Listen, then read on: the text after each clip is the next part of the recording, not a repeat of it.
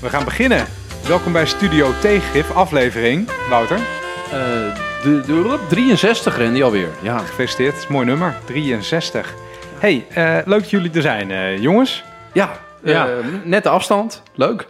Weer anderhalve meter. Hartstikke goed. Moeten we beginnen met mooie nieuws? Heugelijk nieuws? Of wil Wouter er niet over praten? Weet ik niet. Op veel wat er niet over Of praten. slaan het over? Eh, ik ben weer vader geworden. Dat kunnen we wel zeggen. Hey, Hey, gefeliciteerd. Gefeliciteerd. Zoontje Joep is geboren. Prachtig mooi. Nou, Je ziet er nog echt super fris uit voor eh, het netvaderschap. Dus eh, goed gedaan. Ja. dat is Wouter Schuim. Hij was al moe. Hij was altijd al moe. Ja, ik was altijd- dus nu ben ik gewoon ook moe. Ja, precies. Ja. Maar de verkiezingsprogramma's, Ah, dat zijn de dingen die mij op de been houden. Nog, ja, precies. Nou, nog maar 18 jaar moe. Ja. Ja. Ja. Nou, het, ver- het verbaasde me dat je alweer eh puff had nu. Maar dit is natuurlijk opnieuw een kolfje naar jouw hand. hey, maar voordat we naar die verkiezingsprogramma's gaan. Ik dacht, ehm, de gekte, de traditionele gekte, dat heeft geen zin. Dat heeft gewoon geen zin meer. Dat doen we niet meer. Want we kunnen het natuurlijk over de Amerikaanse presidentsverkiezingen hebben. Daar is iedereen al helemaal moe en kapot over geluld. Het is een beetje alsof het WK voetbal bezig is en we zeggen, oh, zullen we het nog eens over voetbal gaan hebben? Eh, iedereen wordt de hele dag overstrooid met gekte in de politiek, dus ik denk dat mensen daar gewoon helemaal geen zin in. De gekte is normaal geworden, dus we moeten het over normale dingen gaan hebben. Nou, er, zitten echt, je- de, de, er gebeuren dingen dat als dat in series zou gebeuren, op een gegeven dat moment zie je niet. Dat, dat iedereen heeft dat natuurlijk gezien. Dat ze dan die persconferentie hadden bij het Four Seasons Total Landscaping. Een, een tuincentrum wat, na, wat tussen een dildo-winkel en een crematorium in zat. Toen dacht ik, nou, ik kan, ik, ik kan gewoon niet meer. Die Giuliani had een of andere Ja. boef daar ook zo stond. En dan een totaal kansloze rechtszaak gaat aankondigen en wordt onderbroken terwijl Biden al uitge- uitgeroepen is als winnaar. ja. Dat was één grote ellende. Ja. Ja. Maar zo knullig. Ja, Het is zo als, knullig. als dit de deep state is, nou dan... ja, dit, Ja. Heeft gewoon, dit heeft ook gewoon geen zin meer om dit nog te Maar bespreken. het zijn wel, nog even, als, het zijn natuurlijk wel historische verkiezingen. President, zit de president die het aan gaat vechten, rechtszaken, dat soort zaken. Vervolgens een, de oudste president gekozen nu, toch? Ooit. Ooit. Ooit. Plus de eerste vice-president, wat dus een vrouw is en Afro-Amerikaans. Dat is wel Ja. natuurlijk extreem bijzonder. Het zijn echt hele bijzondere verkiezingen. Nou, ik zag ook nog een mooie statistiek. Het was een soort eh Venn-diagram hè, met van die overlappende cirkeltjes. dat je hebt dus presidenten die niet de popular vote halen. Daar hoort Trump bij. Je hebt, president, je hebt eh één termijns presidenten. Dat is al een, in Amerika wordt dat al beschouwd als een clubje met losers. Dat is ook Mhm. eh, vrij uitzonderlijk. En je hebt dan ook nog presidenten die impeached zijn. Dat zijn Eh, er drie, geloof ik. ja, dat zijn er, nee, dat zijn er maar twee, geloof ik.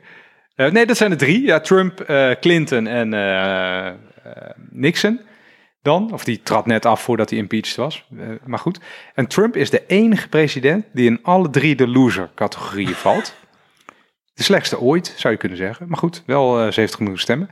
Ja, heel veel stemmen. En ze zijn dus nu behoorlijk op mensen die zeggen dat hij dus eh, dit blijft eh, doorvechten bij de rechter, omdat hij anders in groot problemen komt met zijn bedrijven. Hij heeft gewoon geen geld meer, scheld op. Dus op het moment dat hij zeg maar president af is, dan wordt hij heel vatbaar voor allerlei vervelende rechtszaken, faillissementen, wordt nog aangeklaagd. Dat, dat gaat ook allemaal komen. Als hij, want ik weet ergens in januari toch is de overdracht, zeg maar.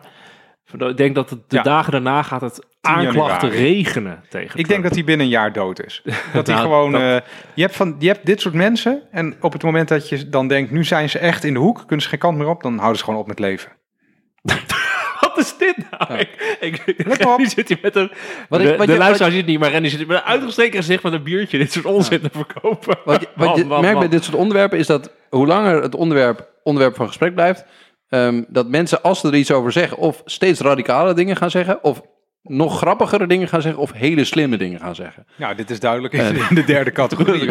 maar dus laten we niet altijd, want anders dan komen we in de verleiding om of Ja. hele grappige Ja, dingen of Randy zei net, radicale dingen. weet je wat? We gaan een experiment doen. We gaan deze podcast gewoon een keer praten. Joh, Scriptloos. Scriptloos. Nou ja, ik, ik heb dus, eh, dat, gaan we over hebben? dat vertelde ik je net. Ik heb de podcast van Joe Rogan gekeken. Dat klinkt ook gek, maar dat wordt dus ook integraal uitgezonden eh, op YouTube. Heb je ook naar geluisterd, toch? En ik heb ook naar geluisterd. En dat, was, dat vond ik toch wel inspirerend. Ik ben helemaal eh, laat op het feest hoor, want het is al jaren de grootste podcast ter wereld. Maar dat is, dat is het geheim. eh, ik luister zelf ve- verder geen podcast. maar dat vond ik inspirerend, hoe dat, hoe, dat, hoe dat helemaal scriptloos leek te gaan. Ze zochten ook tijdens het praten, zochten ze af en toe wat dingen op en zeiden, zetten ze wat dingen aan. Ja, ik dacht, dat doen we ook een keer. Scriptloos. Lekker. Ik heb wel Ja. die programma's gelezen.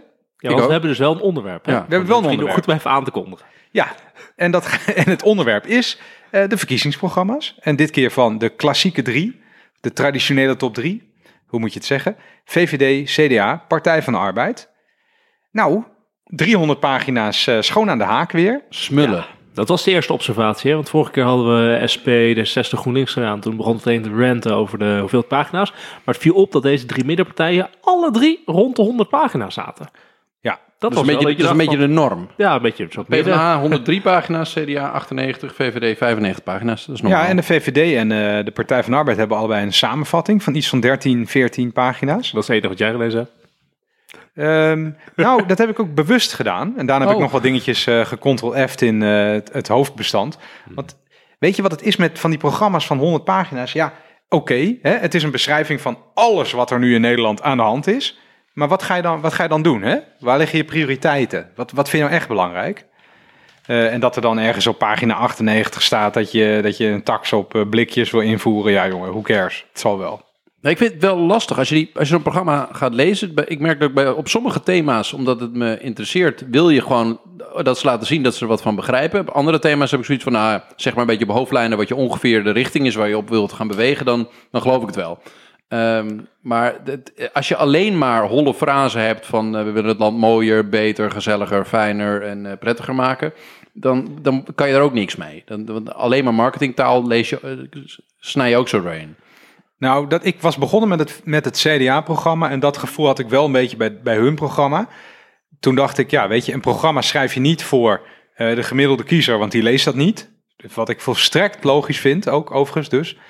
Ehm, ehm, maar normaal schrijf je het dan een beetje voor de beleidsnerd of zoiets, Ja, maar hè, dan, voor de dan ga je toch niet allemaal van die holle frasen Nee, inzetten? precies. Dan moet je gewoon, we gaan A doen, B doen, C doen. Punt. dan, dan, heeft het, af. dan heeft het dus geen zin meer. Als het zowel niet voor eh marketingdoeleinden is geschreven en niet voor beleidsdoeleinden, waarom schrijf je dan een programma? Nou, er zit wel, eh, wat, eh, als we het dan over die vorm hebben, wat ik, ik leuk vond, ik heb ze even alle drie een beetje vergeleken op, op stijl zo. Bij de PvdA hebben ze ehm, het beschikbaar gemaakt in allerlei vormen. Ze hebben een interactief boek, een filmpje, eh, eh, een hetzelfde programma, maar dan een eenvoudige taal. En ze hebben een boekje met allemaal portretten om de punten te illustreren. Dus ze hebben eh, ook nog eens volgens mij uit iedere provincie een, een heel erg willekeurige groep Nederlanders die dan geïnterviewd worden over waarom dat punt voor hun belangrijk is. Ja. Bij het CDA hebben ze ook zoiets moois gedaan. Hebben ze allemaal quotes van de groepen mensen die ze betrokken hebben. Want bij het CDA hebben ze het voor het programma hebben ze eh, een hele grote groep eh, mensen. Hebben ze 2000 mensen hebben ze gevraagd van goh, kunnen jullie met ideeën komen? En ze hebben allemaal door het hele programma heen hebben ze quotes van die groepen mensen erbij gezet om te laten zien van joh, wij, wij doen er ook echt wat mee. En bij de, bij, de v van, bij de VVD leest het in mijn ogen veel meer als echt een soort van. ehm, eh, ja, een, een, een inhoudelijk eh, eh, ja, so- soort richtingstuk. Wat ik niet Ja, heel veel ja. gelezen heb van de VVD. En ze zeggen volgens mij zelf ook op een gegeven moment keer zo van... We hebben niet zoveel met visies, maar dit is toch wel redelijk visionair voor ons. Ja, het viel erg op dat de drie stukken op een andere manier tot stand waren gekomen. Dus bij de VVD werd dus niet gezegd van... hé, we hebben ideeën opgehaald bij leden... of zijn ideeën ingestuurd of dergelijke. Maar werd echt gezegd van... dit is eigenlijk vervolg op het visiestuk van eh, Klaas Duikhoff... Hè, van liberalisme dat werkt, van 2019. Dat eigenlijk een soort vervolg, vervolg is. Nou, Dijkhoff zat ook in de, in, de, in de commissie zelf van dit verkiezingsprogramma. En dat zie je echt, dat die stap daar is gemaakt. Wel van, we hebben Ja. de discussie al gehad en dit is een vervolgstap. En bij de PvdA en CDA was anders. Want eh, bij de PvdA was het heel duidelijk dat er werd gezegd... oké, we hebben eh, meer dan 100 reacties gehad van leden... want we waren een website begonnen van... eh, hoe kan morgen beter.nl, die Ja, website... duizend, en dan moet je erop reageren. Oh, heb ik hem? Ja, meer dan duizend reacties heb ik eh, gelezen. En die zijn dus verwerkt in het programma. Dus je ziet dat PvdA heel erg denkt van... oké, ik wil van, van leden, van mensen van, uit de samenleving... wil ik ideeën hebben, dan ga ik in het programma verwerken. En bij CDA was dat een beetje hetzelfde. Dus CDA die zei van, we hebben er 2000 reacties. En die zeiden van, ja, we, we hadden ook een site begonnen. Tweede huiskamer.nl. Oftewel, niet de Tweede Kamer, maar de Tweede Huiskamer der Staten-Generaal. Die geef ik aan in een programma bij als ze dus stoeltje. met zo'n stoeltje van dit is een idee wat we hebben overgenomen uit eh, onze lijst van, Van de 2000, uit de Tweede Huiskamer. Ik vind het, maar ik vond het gewoon opvallend dat je zo ziet dat er drie partijen, drie middenpartijen op een hele andere manier dus hun programma vullen. En ook dat dus het ophalen van de reacties en het zo duidelijk zeggen, dat zagen we ook niet bij de SP en D66 en GroenLinks volgens mij. Nee, ik denk dat gek genoeg de SP veel meer lijkt op de VVD. Daar, daar, bij die partij heeft de Board of Directors heeft een programma opgesteld. Ja, Eh, nog een heel klein beetje met geklankbord met hè, een, een minuscuul eh, groepje panelleden, noemen ze dat bij de VVD, geloof ik. En bij de SP hebben ze dan een algemeen bestuur, geloof ik, die meeleest eh, in dat soort dingen. Nou, dat was dus heel opvallend. Hè? Want misschien even van ter aanvulling daarop is dat dus CDA en PvdA halen dus reacties op van leden en zetten daar een website voor op en gaat het verwerken in het programma. Maar het CDA heeft dus een verkiezingsprogrammacommissie van negen leden Ja. en zeven adviseurs. PvdA van elf leden en wat ondersteuning. De VVD dus, jij noemt dan een board of directors, vijf leden. Dus dat is beduidend kleiner dan CDA Ja. en PvdA, met dus elf panelleden. Oftewel, daar kunnen ze op klankborden, zeg maar. Dus het lijkt alsof de VVD veel strakker, eh, ja, ik weet niet of het goede woord is, strakker aangestuurd is. Maar in ieder geval, dat is, ja, het gewoon Nou- van wij bepalen het. Wij zetten het zo neer. We gaan niet allemaal reacties lopen ophalen, zoals eh, VVD en eh, of CDA en PvdA wel gedaan hebben. Ja, en ik weet, ik weet zeker, maar dat moeten, we nog, dat moeten we een keertje uitzoeken en dan later op terugkomen. Ik weet zeker dat ze bij de VVD hebben ze ook dit programma eh, voor eh, klankbordgroepen gehouden. Van mensen, hè, waar- die zijn daar gewoon het beste in. Ja, maar die zijn daar duidelijk verder in. Want ik zie bij, bij het CDA is het dus allemaal een beetje vaag, middle of the road. Eh, als je me nu vraagt van wat staat er eigenlijk in, ja, dan ben je iets met gezin en iets met de regio. Scherper heb ik het dan niet meer. Nou, dat is misschien wel wat ze willen dat er achter blijft. Nou ja, dat zou kunnen. Zo ken je ze ook, hè? En dat zijn ook goede Familie. punten. eh, Dat, dat is ook, eh, daar zit hun kracht. Maar het is niet. nou, laat ik het zo zeggen: dat van de VVD, dat is kwalitatief. Ik heb het dan nog echt niet over de inhoud. Is dat van een hoger niveau? wa- waarom vind je dat precies? Nou, ze hebben hun samenvatting is dus een soort visie. Het leest echt als een visie. Het is ook een lopend verhaal. Ehm, dus, hè, dus waar al die partijen helemaal terug zijn gevallen in bullets, bullets, bullets met allemaal ditjes en datjes, is hun samenvatting is gewoon een visiestuk. Dus ondanks dat Rutte eh, beroemd is vanwege zijn uitspraak, eh, visie is een olifant of zoiets in de Kamer, bladibla, Ja. zijn zij de partij die het, die het scherpst tot nu toe, van wat ik heb gezien, een visiestuk hebben neergelegd. Dat is toch grappig? Nou, ja, misschien is dat ook de reden dat Rutte niet meegeschreven heeft in het programma, want dan had het er niet zo gelegen. Dat nou ja, ik, ik, eh, ik vond het sterk overkomen. Het was ook goed geschreven. Eh, bij de SP zag je bijvoorbeeld, hebben we vorige keer besproken, eh, wat spelfoutjes en dat soort dingen. Ehm, en dat, dat zie je bij de VVD echt niet hoor. Nou, wat een andere Echt leuke niet. op, opmerkelijk iets is, is dat bij de PvdA en bij het CDA zit er na de intro, de inhoudsopgave en zo, zit er een voorwoord van de partijleider. Dus van eh Ascher en van eh, eh, Hugo de Jonge. Ja. En bij de VVD zien ze het niet als noodzakelijk om Rutte daar nog een, een, een briefje of een berichtje op te laten toevoegen. Die, die, die wordt daar niet eens genoemd. Nee, maar weet je, ik denk dat gewoon- dat dus ook voortkomt uit die klankbording. Want als ik al, ik ben nu een beetje ook, ik ben ook wel, ik was op een gegeven moment ook wel een beetje uitgelezen hoor. Na 600 pagina's eh, van, die pro- van die programma's. En dan denk je, god, zo'n voorwoord. En er staat ook niks, er staat ook niks in waarbij je denkt van, Goh, je bent het er allemaal mee eens, joh. ja, ja, het is allemaal een beetje middle of the road en streep het er dan gewoon uit. Ja, het, het klinkt ook. eh, Ik vond het op zichzelf wel, wel interessant dat de VVD gewoon zegt van, wij hebben een programmacommissie, die schrijft het. En de partijvoorzitter of de partijleider gaat er niet eh, nog een keer zijn, zijn handtekening onder zetten. Dat vond ik wel interessant. Nee, dat is gewoon, gewoon, jullie doen dat, jullie doen het professioneel, jullie zijn met z'n vijven board of directors, fix het. En eh, ja, je weet toch, te verkoopt het toch wel, hè?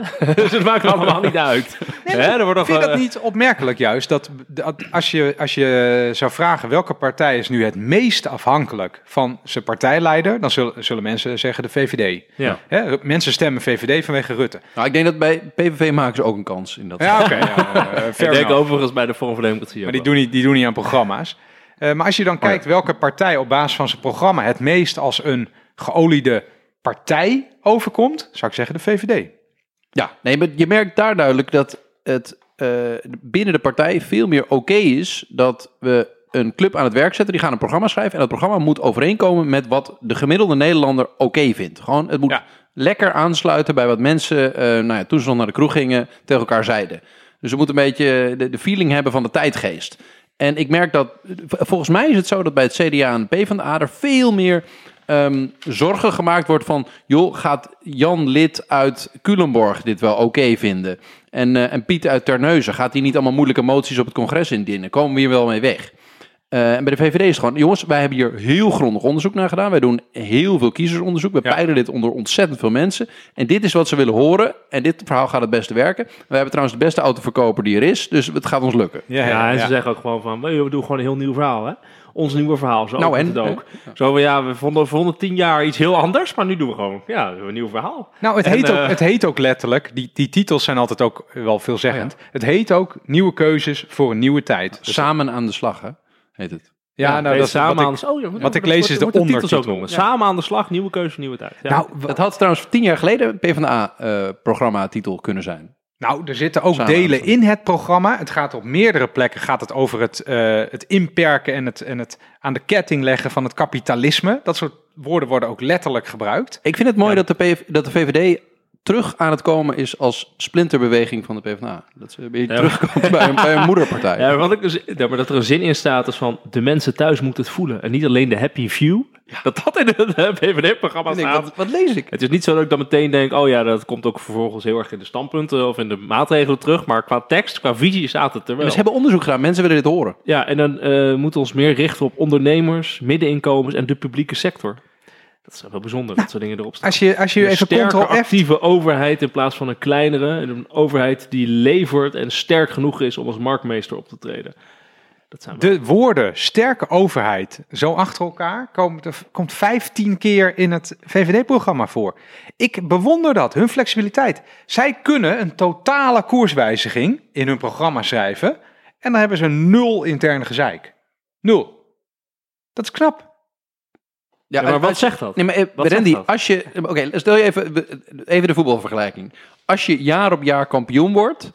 en je besluit, jongens, we gaan een hele andere opstelling doen... andere spits erin... dan, dan zeikt het publiek niet. Als je de hele tijd loopt te verliezen... en je zegt dan, we gooien de boel nog een, nog, nog een keer helemaal om... dan worden ze pissig. Nee, je bent het echt niet Ze mee kunnen het maken. Want binnen bijvoorbeeld ehm, de Partij van de Arbeid, ook hier ter discussie vandaag, is altijd gezeik. Ook als je 50 zetels hebt, je, je bent niet links genoeg. Je bent niet goed genoeg, je doet het niet goed. Eh, en bij de VVD was dat gezeik er ook, ook maar heel beperkt toen ze eh, hun moeilijke jaren hadden.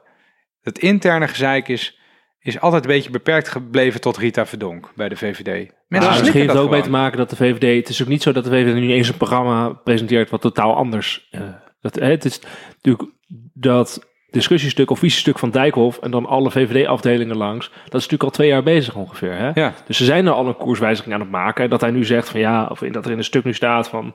Het gaat om het moet ons re- de wederopbouw van de middenklasse. En we moeten, de overheid moet sterk zijn. Er moet een marktmeester zijn. En, eh, dat, dat zijn natuurlijk op zichzelf geen... Dat, dat weet je al dat de VVD gedreigd gaat maken. Net als dat multinationals nu ineens belasting moeten gaan betalen.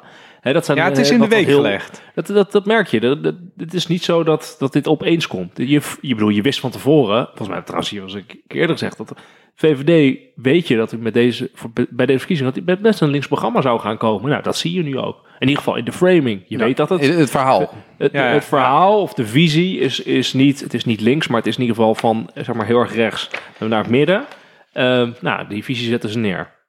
Nou ja, er zit een duidelijke consensus ook eh, in de grote drie. eh, ja, ik zeg de grote drie. Je hebt natuurlijk de VVD, die, is, die, is, die straalt Ja, de als een ster boven. drie. En dan heb je de, de traditionele drie, moet ik zeggen, inderdaad.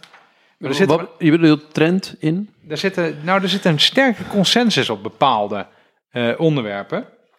Als jij nou even... Ga je al naar Maar de zullen we inhoud? eerst gewoon even de titels doen? Dat zijn we Oh ja. vergeten. Ja, lekker hè? PvdA. Ons plan. Oh, doe jij maar. Ja, doe maar Wouter. Oké, we doen maar Wouter. Ons plan voor een eerlijker en fatsoenlijker Nederland. Jullie zijn een soort kwikker en kwak. Ja, Ja, dus Leuk PvdA, kwak. ons plan voor een eerlijker en fatsoenlijker Nederland. Dus zie je al meteen dat eerlijker doet er vooral denken aan sociaal-economische verdeling. Hè? Dat dat netter moet en fatsoenlijker is meer eh, samenlevingsdiscussies, moraal, zeg maar. Hè? Wat vind jij nou van dat woord fatsoenlijk? Nou, ik vind het interessant dat het in het CDA-programma ook heel vaak voorkomt. De CDA heeft ook de hele tijd over fatsoenlijk en fatsoenlijk. Dus dat is interessant. Daar vinden ze elkaar wel, zeg maar. Ik denk dat het een soort reactie is op het, eh, de, de, de toon in het maatschappelijke debat die de laatste twee jaar eh, eh, vaak de boventoon heeft gevoerd. Ja. Dat ze, ze misschien wel uit kiezersonderzoek of misschien wel gewoon uit interne overtuiging gedacht hebben van we moeten op een manier zien te benoemen dat we een beetje normaler tegen elkaar moeten doen. Of een beetje, een beetje fatsoenlijker tegen elkaar moeten doen. Ja. Ik denk dat ze daar allemaal aan willen eh, appelleren. En, en de mensen die dus geen zin hebben in, in de hele dag schelden en schreeuwen op social media naar elkaar. eh, wat de meerderheid van de Nederlanders is, dat ze die eh, willen raken.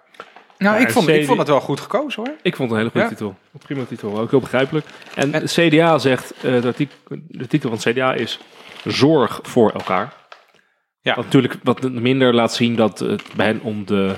eh, je merkt al meteen dat het bij hen gaat om de samenleving en niet zozeer om de overheid. Zie je ook trouwens in de volgorde van het programma. Hè? Dus bij Ja. PvdA gaat het heel snel over wat de overheid allerlei moet doen en, eh, eh, en eerlijk delen en dat soort dingen. En bij de, je ziet bij CDA zie je in het begin gaat het alleen maar over de samenleving. Nou, Sterker ja. nog, ze hebben daar de term in het begin de, dat het een radicale samenlevingsagenda is.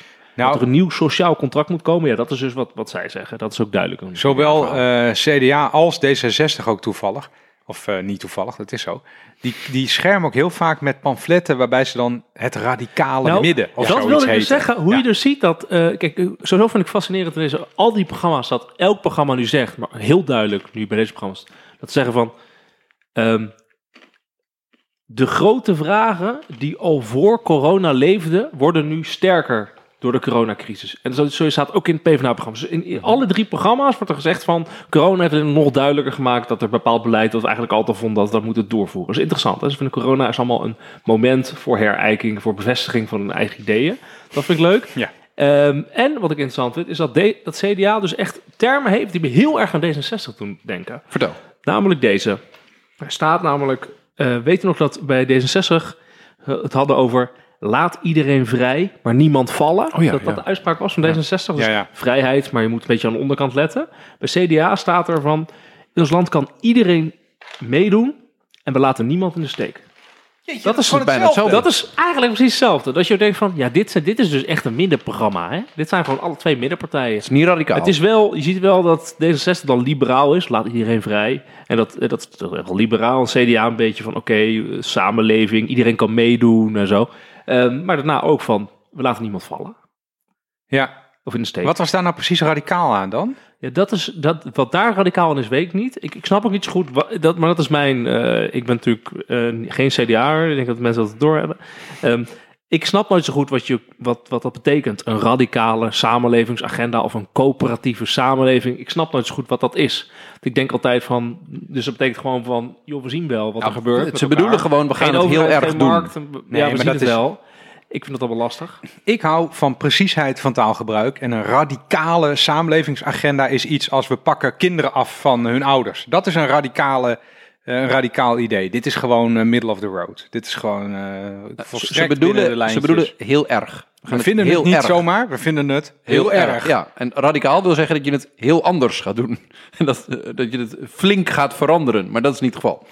Ja, ik denk als je, als je denkt dat je overtuigender wordt wanneer je ehm, groot over- overtreffende trapwoorden voor je mening zet, dan, eh, dan vergis je je, denk ik. Maar zo- ik vind eh, over de Nou, CDA-titel Zorg voor elkaar. Vond ik, wel, ik vind het wel mooi dat de, het idee zorg er zo duidelijk in voorkomt. Het, het is ook het eerste onderwerp in hun programma. Ehm, het gaat heel veel over het, het versterken van de zorg en het, het eh, ja, dichterbij organiseren van de zorg. En Hugo de Jonge zit op zorg en corona ehm, is toch wat mensen voor in hun hoofd zitten. Hier is duidelijk een beetje over nagedacht van oké, dit dat idee van samen zorgen voor elkaar, de zorg vernieuwen, samen uit deze moeilijke tijd komen, dat, dat draagt wel een beetje de, eh, de, het gedachte van het hele verhaal van, de, van het CDA. Het is een vrij heel vriendelijk verhaal. Ja, en het is dus de volgorde. Het eerst over thuis, dus het gaat over het gezin, hoe ik zijn van Er samen. zijn allemaal foto's van families ook in. Ja, precies. Dan een sterke samenleving. Dus let op samenleving. Hè? Dus geen overheid of eh, economie. En dan een eerlijke economie. Nou, bij de PvdA is dat dus duidelijk anders. Ligt verder naar voren. En dan als vierde bij het CDA een dienstbare en beschermende overheid. Dat is een beetje de, de, de, Piet- de omzicht agenda. Maar ik vind Ja. de termen in de inleiding dus wel heel interessant. Hè? Dus te zeggen van oké, we missen nu eigenlijk in Nederland solidariteit en saamhorigheid. Saamhorigheid is ook echt een CDA-term, hè? Dat is een samenlevingsterm, saamhorigheid. Ja. En we, wat is, we zijn niet meer één gemeenschap. De onzekerheid is groter geworden. En we willen nu eigenlijk eh, een dienstbare en meer beschermende overheid. We willen als partij verantwoordelijkheid nemen. En de oplossingen komen altijd uit het midden. Dat zou ik ook zeggen als ik een middenpartij was. Hè? Radicale middenpartij. Ja, oh nee, Nou, radicale eh, middenpartij. hun ja. eerste grondbeginsel, wat ze noemen, is solidariteit. Ik, ik zeg dat ook, want ik had, eh, als ik de programma's van Partij van Arbeid en CDA lees, dan heb ik het gevoel, jullie, jongens, jullie zijn geboren voor elkaar. Jullie moeten elkaar in de armen vallen en nooit meer zonder elkaar regeren. Nou, als je dan lijkt leest, Ja, op in de elkaar? voorwoorden. Ja, in de voorwoorden, maar ze ja. enorm op elkaar. als je dan leest wat ze allemaal voorstellen, dan... eh, niet. Dus je kan komen- blijkbaar op basis van bepaalde zelfde beginselen of iets dergelijks, kan je dus Heel wel hele andere programma's maken. Want PvdA heeft inderdaad, op- op- die hebben vijf waarden aan het begin staan. Ja, noem dus even. Dat is En dat is, eh, even kijken hoor, bestaanszekerheid, vrijheid, gelijkwaardigheid, solidariteit, inderdaad, net als CDA. Ja. En duurzaamheid, volgens mij hebben ze die eraan toegevoegd. Volgens mij was die hier eerder niet. Ja, en het CDA had hij altijd al natuurlijk in een, in een rentemeesterschap, wat ze heel breed eh, uitleggen. Ja, en bij de PvdA gaat het dan heel erg over, oké, we constateren nu ten eerste, de coronacrisis maakt duidelijk wat veel mensen al langer voelen. Dus een beetje net de CDA zei, hè, van, maar. En daarna van, oké, eh, problemen zijn nu verdeeldheid in de samenleving. Dus eigenlijk wat CDA ook zegt, er is niet meer één gemeenschap. Er is ongelijkheid, dus dat gaat echt over economie. Maar we zijn optimistisch over de toekomst. Dat is dus belangrijk, hè? Sociaal-democratisch, je bent eh, optimistisch, er is vooruitgang mogelijk. En wat interessant is, dat de PvdA een tegenstelling maakt tussen eh, dat de BV Nederland versus wat de PvdA vindt, Nederland is meer een vereniging. Dus dat is een, een interessante. Hè? Van, het gaat niet om het geld, het gaat niet om het, de bedrijvigheid. Het gaat eh, een vereniging en een vereniging, nou, er zijn vrijwilligers, er zijn leden. Het gaat niet om de winst. En dat sluit ook wel een beetje aan bij CDA met een coöperatieve eh, samenleving. Dat, vond ik een mooie frase, inderdaad, die ik ook eh, eruit gepikt had. Dat er staat letterlijk eh, van, wij zien Nederland als een mooie, levendige vereniging waar we allemaal lid van zijn en allemaal ons steentje aan bijdragen met het PvdA-programma. Ja, precies. Ja. We zijn lid van de Vereniging Nederland. Ik dacht- hier een gevoel over. Nou, nee, ja, ik zit, ik zit eh, gewoon een beetje te, te contempleren. Dat eh, een paar maanden geleden dacht ik dat de linkse partijen echt zich zouden onderscheiden met een verhaal over het herstel van de publieke sector en de gezamenlijkheid. Eh, maar nu moet ik constateren dat eigenlijk ieder, iedere partij dat ongeveer tot de kern van zijn programma heeft gemaakt, inclusief de VVD. Ehm, en dat doet mij denken, of dat doet mij afvragen, wat is dan het onderscheidende verhaal van de linkse partijen? Even, laten we het gewoon even bij de Partij van de Arbeid houden. Die bespreken we hier vandaag. Ik vind dat. eh, nou, ik heb het antwoord op die vraag niet. Ik denk dat, dat, dat het ontzettend veel lijkt op wat, wat het CDA hier te berde brengt. En dat ze ook dus natuurlijke eh, regeringspartners zouden kunnen zijn met elkaar. Nee, René, want het is wel overduidelijk dat het PvdA-programma veel meer inzet op ehm, eh, het verkleinen van de inkomensongelijkheid. Eh PvdA zegt veel meer de vermogens moeten ook gaan betalen. Moeten Mhm. milieuvervuiling veel meer belasten. De boeren worden niet in die zin ontzien als in het CDA-programma. Je ziet in het PvdA-programma veel meer eh, regulering van de arbeidsmarkt, eh, straffen van uitbuiting, dat soort zaken. Dus het is wel duidelijk, duidelijk op een aantal punten. Ja, een heel groot Natuurlijk is het anders. Natuurlijk is het anders. Alleen die, die kern van die publieke sector, die hebben we, eh, daar zijn we te ver in gegaan, het afbreken daarvan. En dat moeten we weer opbouwen. Eh, dat, zit, dat zit in ieder programma. Dus dat is niet ja, onderscheidend. nou, uit alle drie de programma's blijkt eigenlijk best wel een spijt van het bezuinigingsbeleid van de afgelopen tien jaar. Bezuinigingsbeleid, Dus beleidsspijt, decentralisatie, spijt, Ja. eh, liberali- de, eh, liberaliseringsspijt of privatiseringsspijt. Nou, Nou, van, eh, ja, van we hebben de uitvoering van de overheid eigenlijk kapot gemaakt. Ehm, we hebben eigenlijk nu een economie geschapen waar de winsten bij een hele kleine groep mensen terechtkomt. Dat de mensen door het ijs zakken, daar hebben we niet op gelet. De arbeidsmarkt is helemaal uit elkaar gegroeid. ja. De, de, de, de wereld gaat kapot, maar we hebben eigenlijk te weinig gedaan aan klimaatbeleid. Dat staat in al die programma's. En, Ja. eh, en ook van het verhaal van, joh, we gaan nu niet meer bezuinigen. Deze keer, ook als crisis, maar we gaan nu heel veel investeren. Iedereen investeert zich te pletter in die programma's. Miljarden en miljarden in allemaal in woningbouw, in infrastructuur, in duurzaamheid, in onderwijs, onderzoek en innovatie. Wat ik allemaal heel goed vind, ik ben er helemaal voor. Maar het valt wel op. Gewoon, als je ziet dat de middenpartijen dus wel een wat koerswijziging hebben. Ik, had, ik, had, ik krijg, het, ga- het gaf mij het wat.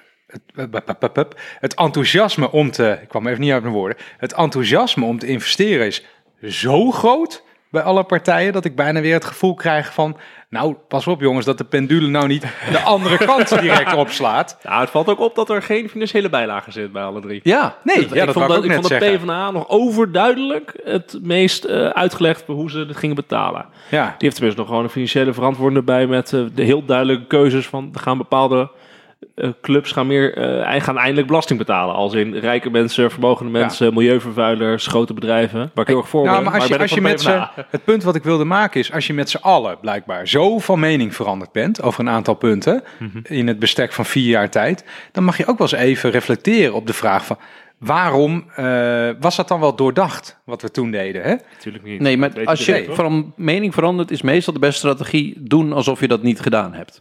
En dat gebeurt hier duidelijk bij die financiële paragrafen, sowieso bij het CDA en bij VVD. Echt heel erg. Dat Nee, maar dat zijn van die, dat zijn van die politieke wetjes. Hè, dat staat dan in de boekjes dat dat zo is. Is dat nog wel zo? Want als ik het VVD-programma lees, dan, geven zij het meest, niet, ook niet echt hoor, maar dan geven zij het meest rekenschap van het feit dat zij van gedachten zijn veranderd. eh, op een aantal punten. En zij schrijven dat dan heel erg toe aan corona. Hè? Dus zij zeggen eigenlijk de, de economie en de samenleving waren niet, niet zo weerbaar als wij dachten. Bijvoorbeeld onze medicijnen moesten en onze mondkapjes moesten helemaal uit China komen. En die, en die, eh, die, trok ons, eh, of die trok zichzelf natuurlijk voor. Dus we willen het nu weer in Europa hebben. Bla bla bla. Dus daarom maken we nu andere keuzes dan we een paar jaar geleden deden. Nou oké, eh, is dat het hele verhaal? Weet ik niet. Maar je, zegt, je, je legt wel uit waarom je tot andere keuzes komt. En de Partij van de Arbeid maakt ook natuurlijk andere keuzes. Ehm legt dat ietsje minder uit. Eh, en het CDA eh, doet het helemaal niet. Voor Nou, bij- Nee, maar ik vind dat ook wel een duidelijk verschil. Want ik vind dat eh, bij de PvdA is duidelijk dat als je dat al in het openbaar al meerdere keren in de media hebt aangegeven, er zijn dingen niet goed gegaan in het vorige kabinet. Mhm. Ehm, Rutte heeft dat nooit gezegd, maar dat staat nu wel heel duidelijk in dit programma. dat de VVD wel laat zien, Het is niet zijn programma. van hé, het is niet helemaal goed gegaan. Eh, we hebben misschien toch wel te veel bezuinigd. Nou, ik dacht nog een gegaan. diep socialistisch land. Hij meende dat als ik dit programma lees. Ja, ja, precies. Ehm, en wat je ziet is dat CDA een beetje, ja, die heeft niet echt meegedaan onder Rutte 2 met de bezuinigen zeggen. Maar, dus, en die hebben nu minister van Financiën. Die gaan gewoon zeggen van, joh, het is goed dat we er nu zo goed voor staan met onze overheidsfinanciën, dat we deze klap kunnen opvangen Ja, dat door ze corona. letterlijk. En dat komt door, het, door toch wel het zuinige beleid van de afgelopen vijf tot tien jaar. En onze goede minister van Financiën. Dat is een beetje wat CDA zegt. Ehm, maar ik ben het wel met je eens, Randy, dat het wel opvalt. Wat ik bijvoorbeeld een hele interessante vind, is dat alle drie de programma's zeggen dat eh, de sociale werkplaatsen, dat die nu eh, sociale ontwikkelingsbedrijven moeten worden. Waar dus ze worden niet gesloten, sociale werkplaatsen, ze worden sociale ontwikkelingsbedrijven, waar dus beschut werk wordt georganiseerd en waar dus eh, mensen eh, met een arbeidsbeperking eh, scholing, eh, training en begeleiding kunnen krijgen. Dat is natuurlijk interessant, want dat betekent eigenlijk dat de, alle drie die partijen zeggen, oh ja, misschien hebben we toch, we zijn toch een beetje te heftig te gegaan. Eh, een aantal jaar terug met sociale werkplaatsen. Dat is natuurlijk wel eigenlijk een hele grote. Ja, En ze doen het allemaal met een andere rechtvaardiging. De VVD doet het bij, net als bij bijna alle maatregelen vanuit een soort van economische rationaal. Dus we, we, we moeten die banen creëren om de economie weer op gang te krijgen. We moeten de, de, de B van Nederland weer draaiende te krijgen. En die rationaal gebruiken ze ook bij hun migratiebeleid. Gebruiken ze bij hun duurzaamheidsparagraaf. Gebruiken ze bij hun mobiliteitsparagraaf. Dat het goed is voor de economie. En bij het CDA zie je dat, dat, dat hetzelfde voorstel, dus voor die, die eh, publieke sectorbanen, veilige banen aan de onderkant van de arbeidsmarkt, dat het om een andere reden, om meer een soort van eh, samenhorigheid in de samenleving en eh, het creëren van eh, plekken waar ouderen terecht kunnen, het samenhorigheid in de buurt organiseren, argument meer terugkomt. En bij de PvdA komt hetzelfde voorstel meer terug in de vorm van een soort van recht op werk, op een, een Ja. basisbaan. Ze hebben het over 100.000 basisbanen creëren. Dus wat je ziet is dat volgens mij alle drie met een net andere eh, eh, gedachte bij ongeveer dezelfde richting uit kunnen komen. Nou, maar dat zijn inderdaad, dat, maar dat zijn dus plannen die kan je bij elkaar gooien en roeren. En dan komt er wel één soort plan uit. Eh, Ja. En dat zie je op echt wel meer punten, want dat zie je ook bij het minimumloon. Volgens mij zegt nu letterlijk iedere partij dat het minimumloon omhoog moet. Hè, dat alle de- partijen waarvan wij het verkiezingsprogramma hebben gelezen wel inderdaad. Ja. En sommigen zeggen dan 10%, dat is dan een euro. Hè? Dus dat is, dat is niet, niet zo significant eh, als dat klinkt. Maar goed, ze Maar dit, het dit is eh, voor de. VVD echt heavy. Hè? Die hebben het verleden nog wel geroepen dat je het gewoon moet afschaffen, omdat het slecht is voor de economie. Ja. En nu zeggen ze gewoon, nee, dit moet omhoog. Eh, Maar zo zijn er wel meer dingen. Eh, iedereen is het eens over defensie, voor mijn gevoel. Eh, de defensieuitgaven moeten omhoog. Dat is dan toch ook een soort erfenis van Trump wel, hè? Dat hij, eh, dat hij zich steeds zo lomp heeft gedragen bij de NAVO. Het helpt wel. Digitax zie ik ook overal. Dus een soort Ja. speciale belasting op het gebruik van data als grondstof. Volgens mij heeft iedereen eh, eh, surveillance capitalism gelezen. en ze hebben goed naar Studio Tegen geluisterd of zo. We hebben het al een paar keer. Je bedoelt Ik heb- ik heb goed het- naar Wouter Welling. Ja. ik, moet het je, ik moet het je meegeven. Nou is het ook toevallig dat er allemaal hele slimme mensen ook hele goede boeken over hebben geschreven de afgelopen jaren. Maar, Maar iedereen heeft naar jou geluisterd. ja, die hebben ook naar jou geluisterd. En betaalbaar bouwen. Ik weet nog heel goed dat het echt, dat heb ik al heel vaak gezegd hier, maar een paar jaar geleden, als het ging om betaalbaar wonen, nobody cared. Eh, Mhm. En nu is het gewoon notabene van de VVD tot en met Ja. de SP is het, daar is consensus over. Dat is wel eh, bijzonder. Dus ik dacht ook nog, toch even over die Amerikaanse verkiezingen. Nederland, ik ga niks verbazingwekkend zeggen nu hoor, maar Nederland is fundamenteel anders dan Amerika qua politiek. In de zin dat alle Nederlandse partijen maken nu toch een soort synchrone beweging. Waarbij ze consensus hebben op een aantal belangrijke thema's eh, die we net noemden dus. Ja, en volgens mij kun, kun je er nog wel een paar noemen. En dat, eigenlijk dus wat we gaan zien in de komende maanden... is dat die partijen gaan doen alsof ze het gierend oneens met elkaar zijn. Terwijl je zo gewoon een heel debat kan houden... waar je deze drie partijen naast elkaar kan zetten en zeggen... oh ja, nou dat vinden we ook. Oh, dat vinden we ook. Dus het gewoon, dit is het helemaal eens. Ja. Eh, toeslagen willen ze ook allemaal... eh, Iedereen, iedereen wil er nu vanaf. Ja, nou, de VVD trouwens wat minder. Hè. De VVD wil ze eigenlijk behouden, maar vereenvoudigen. En CDA wil ze fors vereenvoudigen. Ehm, maar ze hebben allemaal door, oké, ja, hier moeten we echt mee aan de slag. En dit is niet helemaal the way to go. Eh, foutje, sorry. Weet je wat ik, wat ik dus bij iedereen wel mis? Is ehm, de over. Dat is allemaal leuk, hè, deze plannen. Maar de overheid kan niks meer. Snap je? Dus je kan nu wel bijvoorbeeld verordeneren dat die toeslagen eruit gaan. Ehm, het is maar zeer de vraag, ik denk het niet, of dat dan ook binnen afzienbare tijd, dan heb ik het echt over vier jaar, gerealiseerd kan worden. En zo heb ik wel meer eh, dingen, want dat, dat, dat hebben we natuurlijk de afgelopen jaren gezien. Ehm, voorbeelden die dan in het oog komen zijn natuurlijk de Belastingdienst, die ongelooflijk eh, overbelast is en ook ongelooflijk gefaald heeft, tot, het- tot, tot het crimineel aan toe. Er is immers aangifte tegen hun gedaan door het ministerie van Financiën. Ehm, maar ook de versterkingsoperatie in Groningen, ongelooflijk vertraagd, ongelooflijk weinig eh, gepresteerd. En dat lees ik eigenlijk in geen één programma terug. Dat, eh, en ik denk dat dat dus ook het punt is waar partijen zich op moeten gaan onderscheiden. Oké, leuk al die plannen. We zijn het over heel veel dingen eens met elkaar. Kunnen we dat wel? Maar kunnen we dat wel? Ja. Hoe, wat is dan, wat is je plan om dat uit te voeren? En de Partij van de Arbeid heeft dan, het verkiezingsprogramma heet notabene een plan, hè, bij hun nu.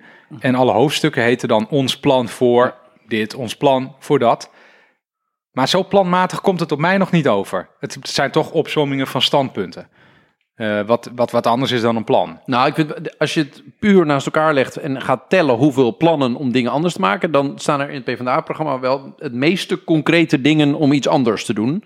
Ehm, Ik, vind van de, ik ben het er wel eens met Wouter van deze drie programma's. Het Partij van het programma het meest Het meest concreet, concreet. het meest Dan- uitgebreid. echt, en ik heb hier lijsten radicaal. met eh, Nee, concrete bedoel, dingen die ze voorstellen. Kijk, maar maar dan, Het dat is kan. een standpunt. Ik vind dat het anders moet. Nou, nee, als ik de baas ben, ga ik A doen. Maar Ja, er staat heel. Dus jij zegt eigenlijk. eh, maar jullie hebben er, die, zijn er niet van op de hoogte dat het misschien wel niet lukt, omdat die overheid het niet lukt. Oh ja, maar dat, dat noem ik dan met, met het gevaar dat we nou in een soort semantisch, eh, zinloze semantische Nee, discussie komen. Ik bedoel, een standpunt is, ik vind dat er, dat er nu koffie moet zijn. Maar een plan is van, ik koop morgen koffie en dan stop ik het in eh, het koffieautomaat en dan zet ik er een beker onder en dan eh, druk ik op aan en dan komt de koffie uit en dan is er koffie. Dat is een plan. En nou snap ik dat je dat niet, eh, dat je niet in te veel detail in je programma treedt.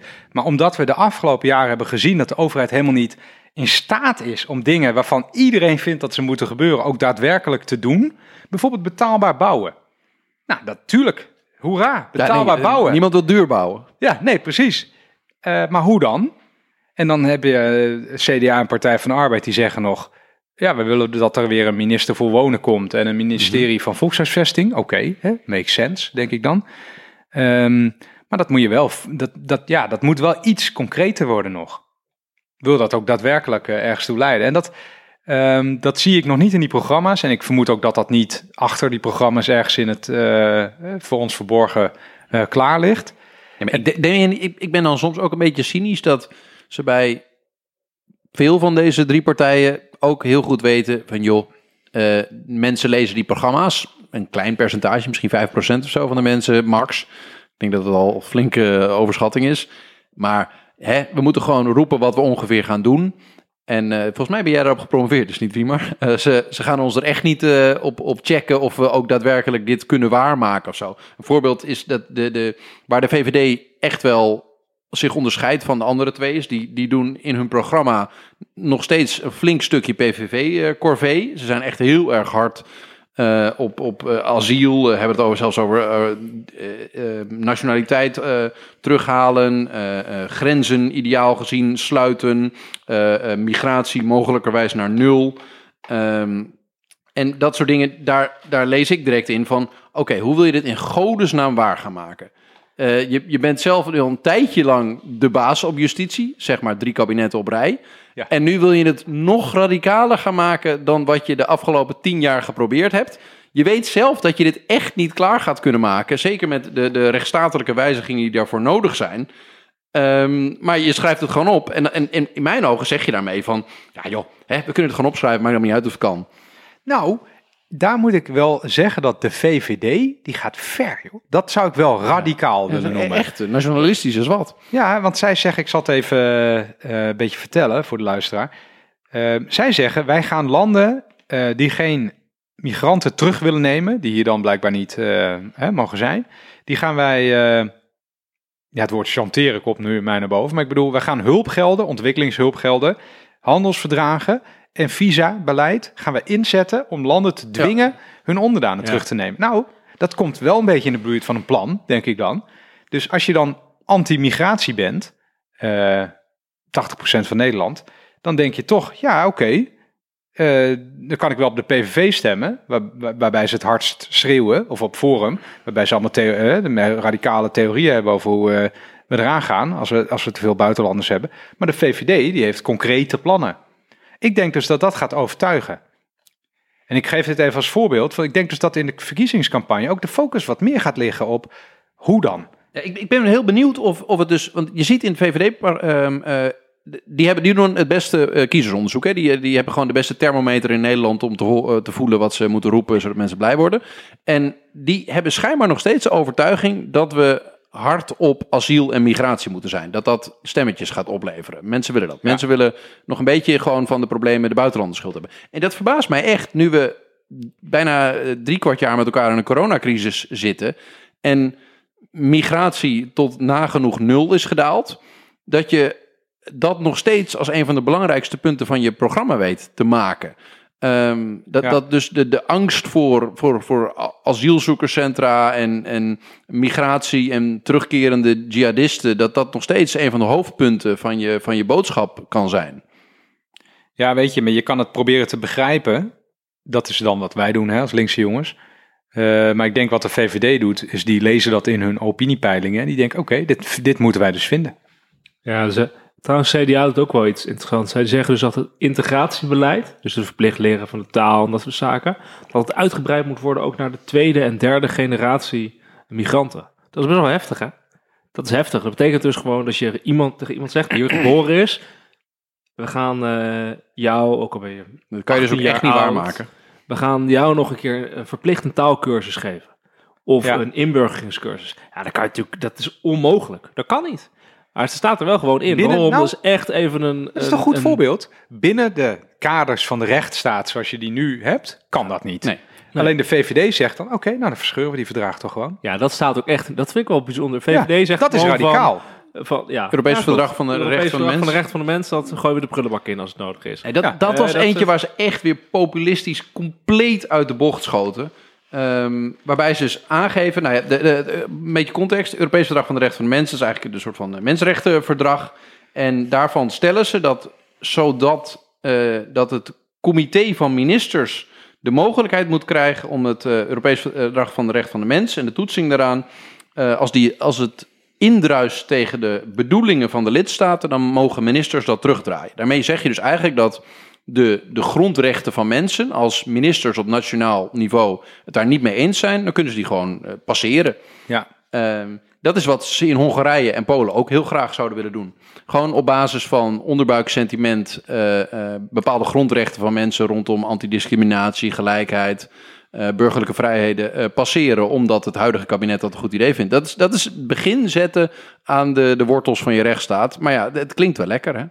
Niet, Nou eh, ja, ze dat- zijn niet de baas in Brussel. Als je het hebt over punten waar men dan fundamenteel verschilt van inzicht en mening, dan is het dit.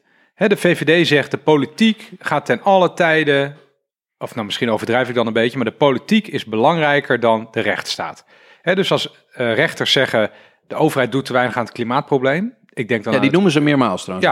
ja, het, de Urgenda-uitspraak. Dan zeggen ze dat kan dus niet. Dat kan dus niet. De politiek heeft altijd het primaat boven de rechterlijke macht. Ehm, en bij het CDA en bij de Partij van Arbeid zegt men geloof ik van nee, het moet zelfs andersom verder gaan. De rechter moet ook kunnen toetsen aan de grondwet. Hè? Nu is dat verboden. De politiek, de Tweede Kamer en de Eerste Kamer, toetst aan de grondwet en de rechter mag dat niet. Dus ook al is het letterlijk in tegenspraak met elkaar, als de Kamer zegt eh, wij vinden dit in, in lijn met de grondwet, dan is dat zo. Ja, dus ze kiezen daar precies tegenovergestelde bewegingen. En ik weet ook wel wat D66 en GroenLinks hiervan vinden. Die, zijn, die zitten aan de kant van Partij van de Arbeid en CDA hierin.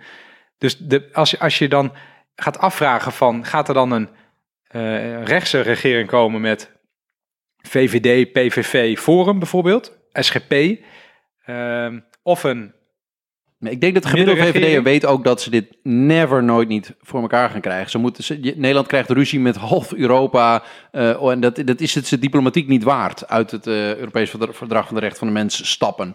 Dat gaan ze echt niet zomaar eh, doen.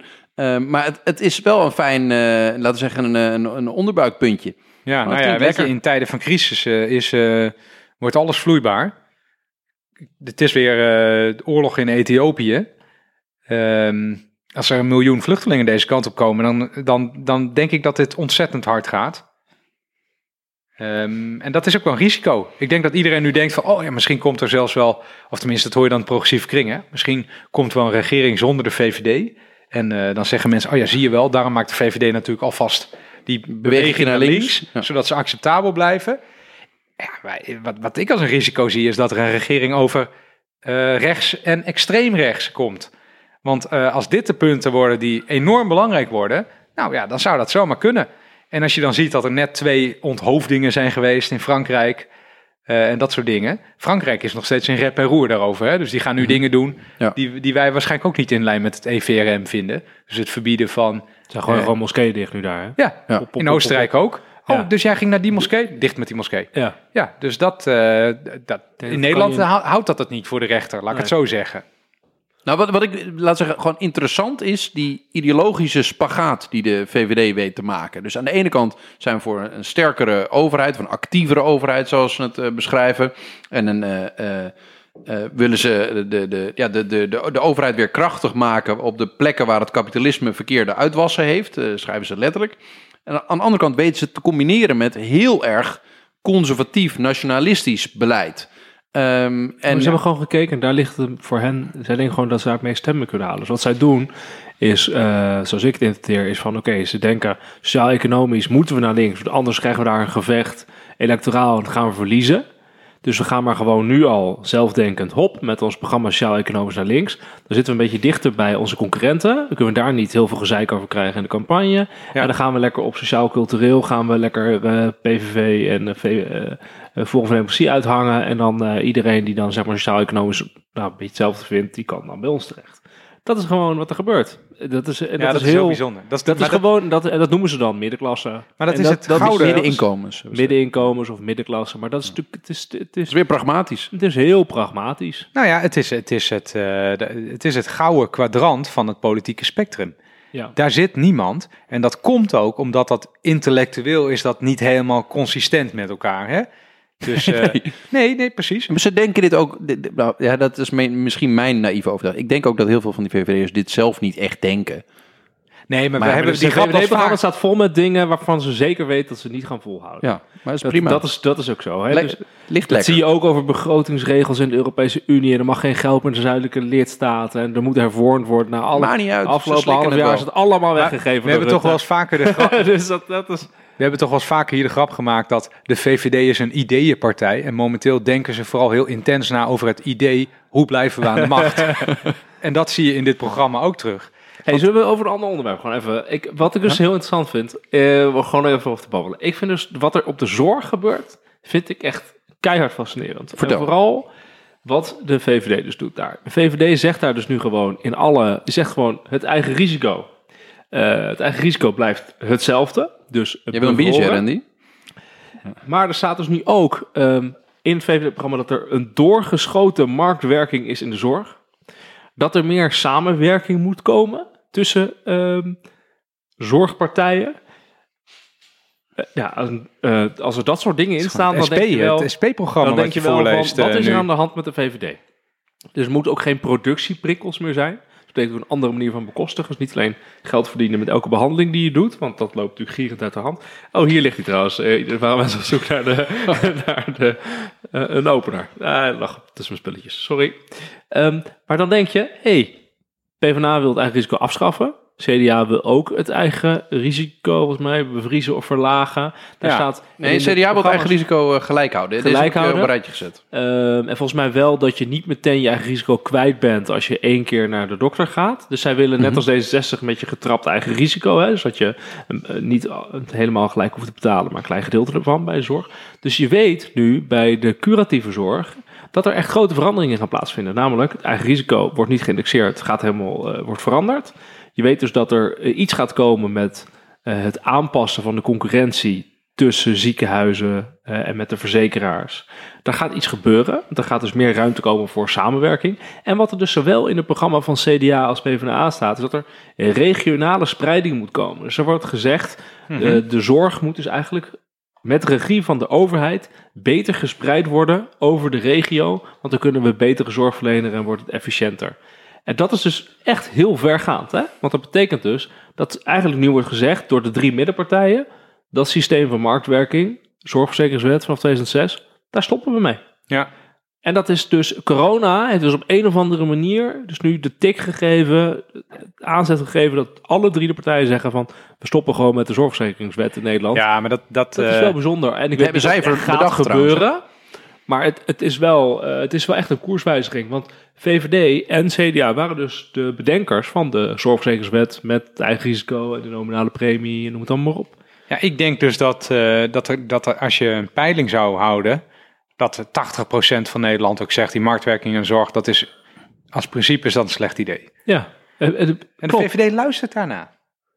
Nou, ik denk dat, ik, dat knap, daar hoor. durf ik wel een beetje aan te twijfelen. Of, of veel mensen dat een, eh, de marktwerking direct. Ik denk dat veel mensen gewoon willen dat ze goede zorg krijgen. En dat het een beetje dichtbij is. En dat het ziekenhuis niet voelt als een megafabriek waar ze zich niet fijn mee voelen. Voelen. En dat ze niet dat gedonder hebben met die zorgverzekeraars. Waarbij ze niet het gevoel hebben dat ze de juiste zorg krijgen voor de juiste prijs. Oh, Nou, en in, Hier. dat, in dat punt is dus ook heel bijzonder dat bij het CDA nu staat dat dus medisch specialisten in loondienst gaan komen. Dat zegt PvdA trouwens ook. PvdA zegt het ook, medisch Ja. specialisten in loondienst. Maar daar hebben we het al over gehad bij, D66 eh, ook. Alleen bij de VVD staat er niks over in. Maar Nee, betekent die dus dat dat zeg ook maar van de traditionele kan. bestuurspartijen... Ja, dat alleen de VVD er niks expliciet over in het verkiezingsprogramma heeft staan. Dus het kan best wel zijn dat na deze verkiezingen daadwerkelijk eh, specialisten op een of andere manier in loondienst gaan komen. nou, dat weet Ook ik wel omdat- zeker. Ook omdat er steeds meer discussie komt over ondernemerschap en zelfstandigen zonder personeel en de positie daarvan. Ja.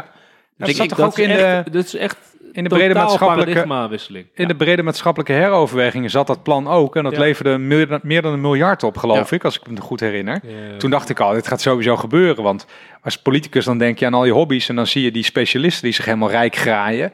Dan denk je, oké, nou die gaan we eens even flink naaien.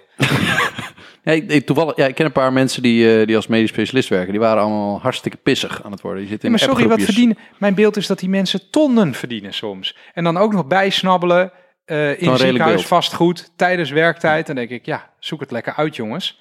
Nou, ik We weet- ik werken vind- allemaal hard. Maar niet dat die mensen niet veel zouden hoeven verdienen. Want het is ontzettend veel verantwoordelijkheid en ontzettend complex. En je moet er heel hard voor leren. En het is niet voor iedereen weggelegd. En het, heel veel, het bevat heel veel stress. Maar je werkt wel in een publieke functie zonder een serieuze vorm van concurrentie. Waarbij de, de aanloop van nieuwe mensen zeer goed beperkt wordt door de overheid. Dus je hebt een soort prachtige monopoliepositie waarbij je zelf bepaalt wat je concurrentie is. Ja. Eh, dus dat is niet een markt. Dat is niet, dat moet, je moet Nee. niet bedrijfje spelen als het geen bedrijfje is. Eh, en dat, dat, dat snappen ze heel goed bij, eh, bij alle partijen. Op een gegeven moment, je hebt, je hebt zeker na dat DBC-systeem had je specialisten die verdienden opeens Ja. 4 ton per jaar. En denk ik, oké, je bent radioloog, je bekijkt Plaatjes. plaatjes. Hartstikke ingewikkeld allemaal, jongen. Hè, dat is ontzettend, zou je s'nachts wakker liggen van de stress die je daarvan hebt. Eh, maar 4 ton, hè? is dat niet een beetje overdreven? nou, ik denk dat het bescheiden is voor een... eh, de radiologen het ons wel bonter. Ja. Eh, Nee, maar dat is toch, dat maar- is toch bespottelijk? Ja, het is vlottig, maar het interessante is nu dat, Dat is het nu allemaal- ineens, dus door de coronacrisis, een zorgsysteem onder druk, dat ineens dus nu, oké, partijen zeggen, eigen risico gaan we aanpassen, gaan we niet meer doen, medisch specialisme in eh, en we gaan dus gewoon uh, hier- pakket aanpakken. En dus ook gewoon regionaal spreiden. De overheid, sterke Ja. overheid, gaat zeggen, Ja. dit zijn de zorgvoorzieningen die we nodig hebben per regio, dit is je specialistische zorg. Ziekenhuis, Hoogwaardig, eh, is ziekenhuis. Lelystad. Denk jij dat er in Lelystad nog mensen VVD stemmen nadat eh, Bruno Bruins daar hun ziekenhuis heeft gesloten? Zo zien mensen dat hoor. Ja, Tuurlijk niet. Dat is, een, dat is een drama waarschijnlijk. Dat hebben ze in peilingen gezien. En daarom schrijven ze nu in een programma op, dat moet niet meer. Ja, dus nou, dit wordt een puntje voor Eh, de kabinetsformatie. Even een correctie, wie, maar trouwens, het VVD wil het eigen risico niet afschaffen. Nee, ik zei... Ik, Matige had ik of zoiets. Ik Nee, die willen het verhogen zelfs. Die zeggen Nee. de, een keuze om het eigen risico vrijwillig verder te verhogen dan nu mogelijk is. Dus je moet het als dat is wel anders. je hè. moet Dus het aan de burger zelf overlaten om het heel hoog of heel laag te laten Nee, zijn. dan snap je dat niet. Want je hebt het standaard Wow. eigen risico. Wow. ja, sorry. Je hebt het standaard eigen risico. ik snap wel eens iets niet. het Dat standaard eigen risico, ik dat direct. is volgens mij 385 euro nu. Standaard eigen risico. En je kan Mhm. daar bovenop, dat is verplicht eigen risico, is 385 euro. Je kan er bovenop nog een vrijwillig eigen risico nemen. Dus dan kan je het eigen risico verhogen. Dus als jij het gevoel hebt, ik ben een heel gezond persoon en ik ga toch geen zorgkosten hebben, dan kan je zeggen, ik ga er 500 of 600 of zelfs naar 800 euro eigen risico. Daar is heel veel discussie over, want de vraag is, is dat eigenlijk wel solidair? Want Mhm. dan gaan alleen gezonde mensen zeggen, doe mij maar een eigen risico en over een lagere premie. Ja, ja. En dan is ja. het voor hen dus goedkoper. Dus volgens mij staat nu ook in ieder geval het PvdA-programma dat, dat vrijwillige verhoging van het eigen risico, dat dat niet meer mag in de Ah, toekomst. Want die zeggen, ja, dat is oneerlijk, want alleen de gezonde mensen gaan het eigen risico verhogen in ruil voor minder premie betalen. En volgens mij staat er ook iets over in het CDA-programma, dat heb ik niet zo scherp. Bij de PvdA? Ehm, op, nee, bij de VVD vinden ze dit wel een goed idee. ja, vinden dat ze kan het ik me voorstellen, want eh, die hebben waarschijnlijk ook... eh, eh, ja, die hebben wel in de achterban heel veel gezonde mensen zitten die dit niet nodig hebben. Ik zei net iets over een peiling, hè, over marktwerking in de zorg. Inderdaad, 80% van de Nederlanders vindt dat de marktwerking in de zorg is doorgeschoten. Dat riep je net ook. Of C9. Nee, maar net, net riep ik het van, ik denk dat als je het Ja, zou ja. doen, dat het zo is. Oh, je Maar ik heb die het net gelijk even gegoogeld. Ja. Het is ook zo. Het was trouwens ook eh, een, we hadden even op Twitter geknald wat luisteraars willen weten van ons. En, en, Oh ja. en- en Ja. Kevin wilde dit weten. Eh, wat, wat ze allemaal van de zorg zeggen. Doe me even een rondje luisteraars eh ja, ik had, ik had een heel mooi lijstje gemaakt wat ze eh, wat nog meer. de- ja, ik heb weer een hele Excel-sheet in elkaar zitten klussen van En die, even eh, namen noemen, hè? dat is leuk. Ehm, Tom van Woerkom vroeg ons nog van wat ze allemaal met de toeslagen willen. En eh, dat is wel interessant. Eh, dus je hebt de hele toeslagenrel gehad. Iedereen snapt dat het de toeslagenstelsel complex is geworden. Mensen raken in de schuld door het toeslagenstelsel. Mensen eh, zien door de, de bomen het bos niet meer. De PvdA wil een einde aan de toeslagen-jungle. En dat doen ze door kinderopvang gratis te maken. Ehm, ze maken een nieuwe huursubsidie. Dat is een beetje voor mensen die wat langer meegaan. Vroeger had je huursubsidie. Dan werd je huur eigenlijk eh, lager, omdat de huursubsidie direct naar de verhuurder ging, geloof ik. Ehm, en zo'n vorm wil de PvdA weer terug hebben. Dus dat je als, Ja, en eh, ze doen iets heel slims, als ik het me goed herinner nu. Eh, zij willen namelijk het doen op basis van het inkomen van vorig Ja. jaar. Waardoor je nooit een verrekening krijgt. ja, dat, dat wil de CDA gebruikt ook dat CDA ook toetsingsinkomen. inkomen. Ja, Ja. Dus dat, dat wordt een heel belangrijk getal in mensen hun leven. Het getal dat de overheid van jou geregistreerd heeft dat je vorig jaar verdiend heeft. Want dat wordt weer de basis van, van alles. Ik, als, als, ik eh, even, als ik je even mag onderbreken daarop. Ja, ja. Dat is dus ontzettend, eh, een ontzettend goed idee. Hè? En uitermate praktisch ook. Maar dat vereist dus ook dat mensen enig spaargeld hebben. Want dan kan het dus voorkomen dat je een jaar lang eh, een lager inkomen hebt en dat je nog geen huursubsidie krijgt. Eh, dus dan moet je dus je huur betalen van je gedaalde inkomen. Dus dan moet je interen op je spaargeld. Ja, dus er moet ook een mogelijkheid zijn dat je tegen de Belastingdienst kan zeggen... yo, ik heb dit jaar echt veel minder inkomen dan vorig jaar... wat mijn vastgesteld Ja. inkomen is. Dus ga mij, Dat noemen ze wel trouwens allebei als uh, ga mij uitzondering. toch even extra toeslag geven. Want ik kan het, ik kan het echt eh, bewijzen. Dat Maar gaat natuurlijk nog gebeuren. Soort even- clausule erin. Na het vraagje van eh, Tom, met een H. Ehm, de PvdA wil dus toeslagen volledig afschaffen door de kinderopvang, toeslag, de kinderopvang gewoon gratis te maken. Huursubsidie direct naar de, de verhuurder in de vorm van een nieuwe hu- huursubsidie, waardoor de huurtoeslag weg kan. En eh, de zorgpremie wordt lager met de toeslag direct eraf, als ik het begrijp. Dus dat wil zeggen eh, dat je premie gewoon lager wordt en dat je niet meer ook nog eens ergens in de maand een zakje geld krijgt om, eh, Ja. eh, ter compensatie. Dus de PvdA wil eigenlijk van die toeslagen af. CDA wil ze wel behouden, maar, maar noemt het een forse vereenvoudiging. En baseert ze op het vastgesteld inkomen inderdaad van het vorig jaar. Ehm, en zorgt dat de overheid minder zal gaan terugvorderen. En hier was ik wel een beetje, nou, hoe moet ik het zeggen, teleurgesteld. Ik dacht dat Pieter Omzicht was toch, is toch een beetje Mr. toeslagenaffaire geworden. En ook bijna Mr. CDA geworden. En eh, die, die CDA noemt hem nu de, de running mate van, eh, van eh, Hugo de Jonge. Ja, dat vind ik ook En, zo dom. en dat als je dan. niet in Nederland. En hij zat trouwens ook in de programmacommissie. dat je dan niet voor elkaar weet te krijgen dat dat, dat toeslagenstelsel harder wordt aangepakt. Dat vind ik wel een beetje maf. Ehm, dus het CDA zegt eigenlijk, we behouden het. We maken het een stuk eenvoudiger. We baseren het op een vastgesteld inkomen van vorig jaar. En niet meer op je maandelijks inkomen. Zodat je als, weet ik veel, als je als student bent geweest en je gaat dan werken. Dan moet je opeens je toeslagen eh, gaan aanpassen. Omdat je eh, maandelijks inkomen is ge- gewijzigd. Ehm, ze willen het gewoon een stuk simpeler. Dat is wel sympathiek. Maar echt aanpakken. Maar even noemen. praktisch, als je het dus doet op basis van een vastgesteld inkomen, waardoor je nooit hoeft terug te vorderen, dan Mhm. heb je toch ook, eh, nou, een groot deel van de problemen rond de toeslag heb je toch gewoon opgelost? Ja, niet? nou, de, de, eh, terugvorderingsromslomp heb je opgelost.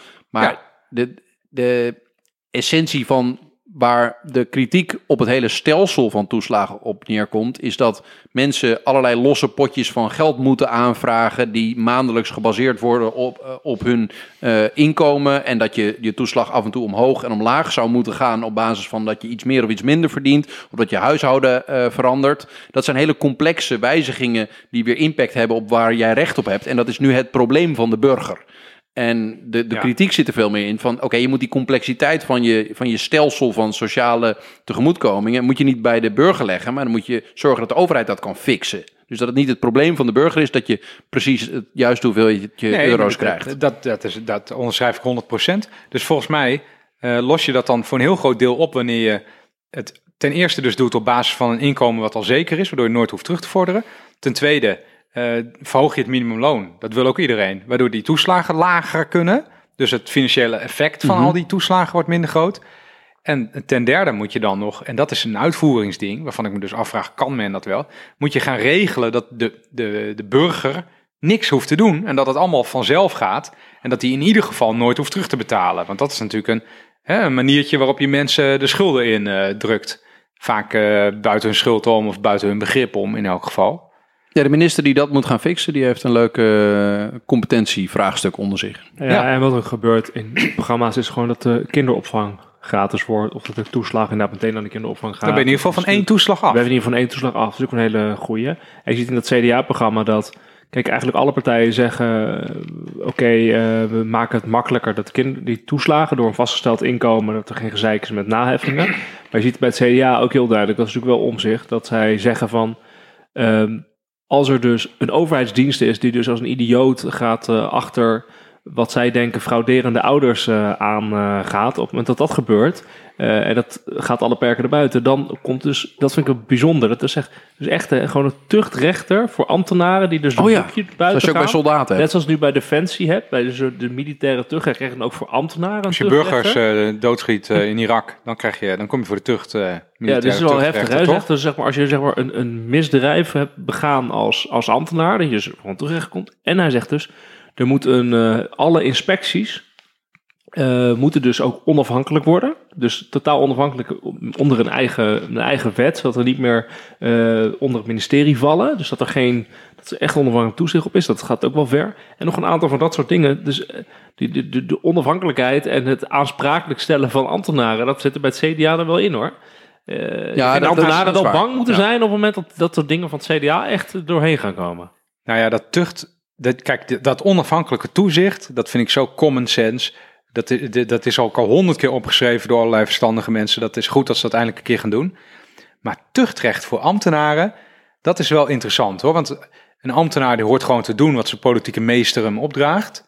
Eh, en vervolgens kom je dan voor de tuchtrechter. Ja, maar die, de- er zit wel heel veel in die, die uitvoeringsbevoegdheden.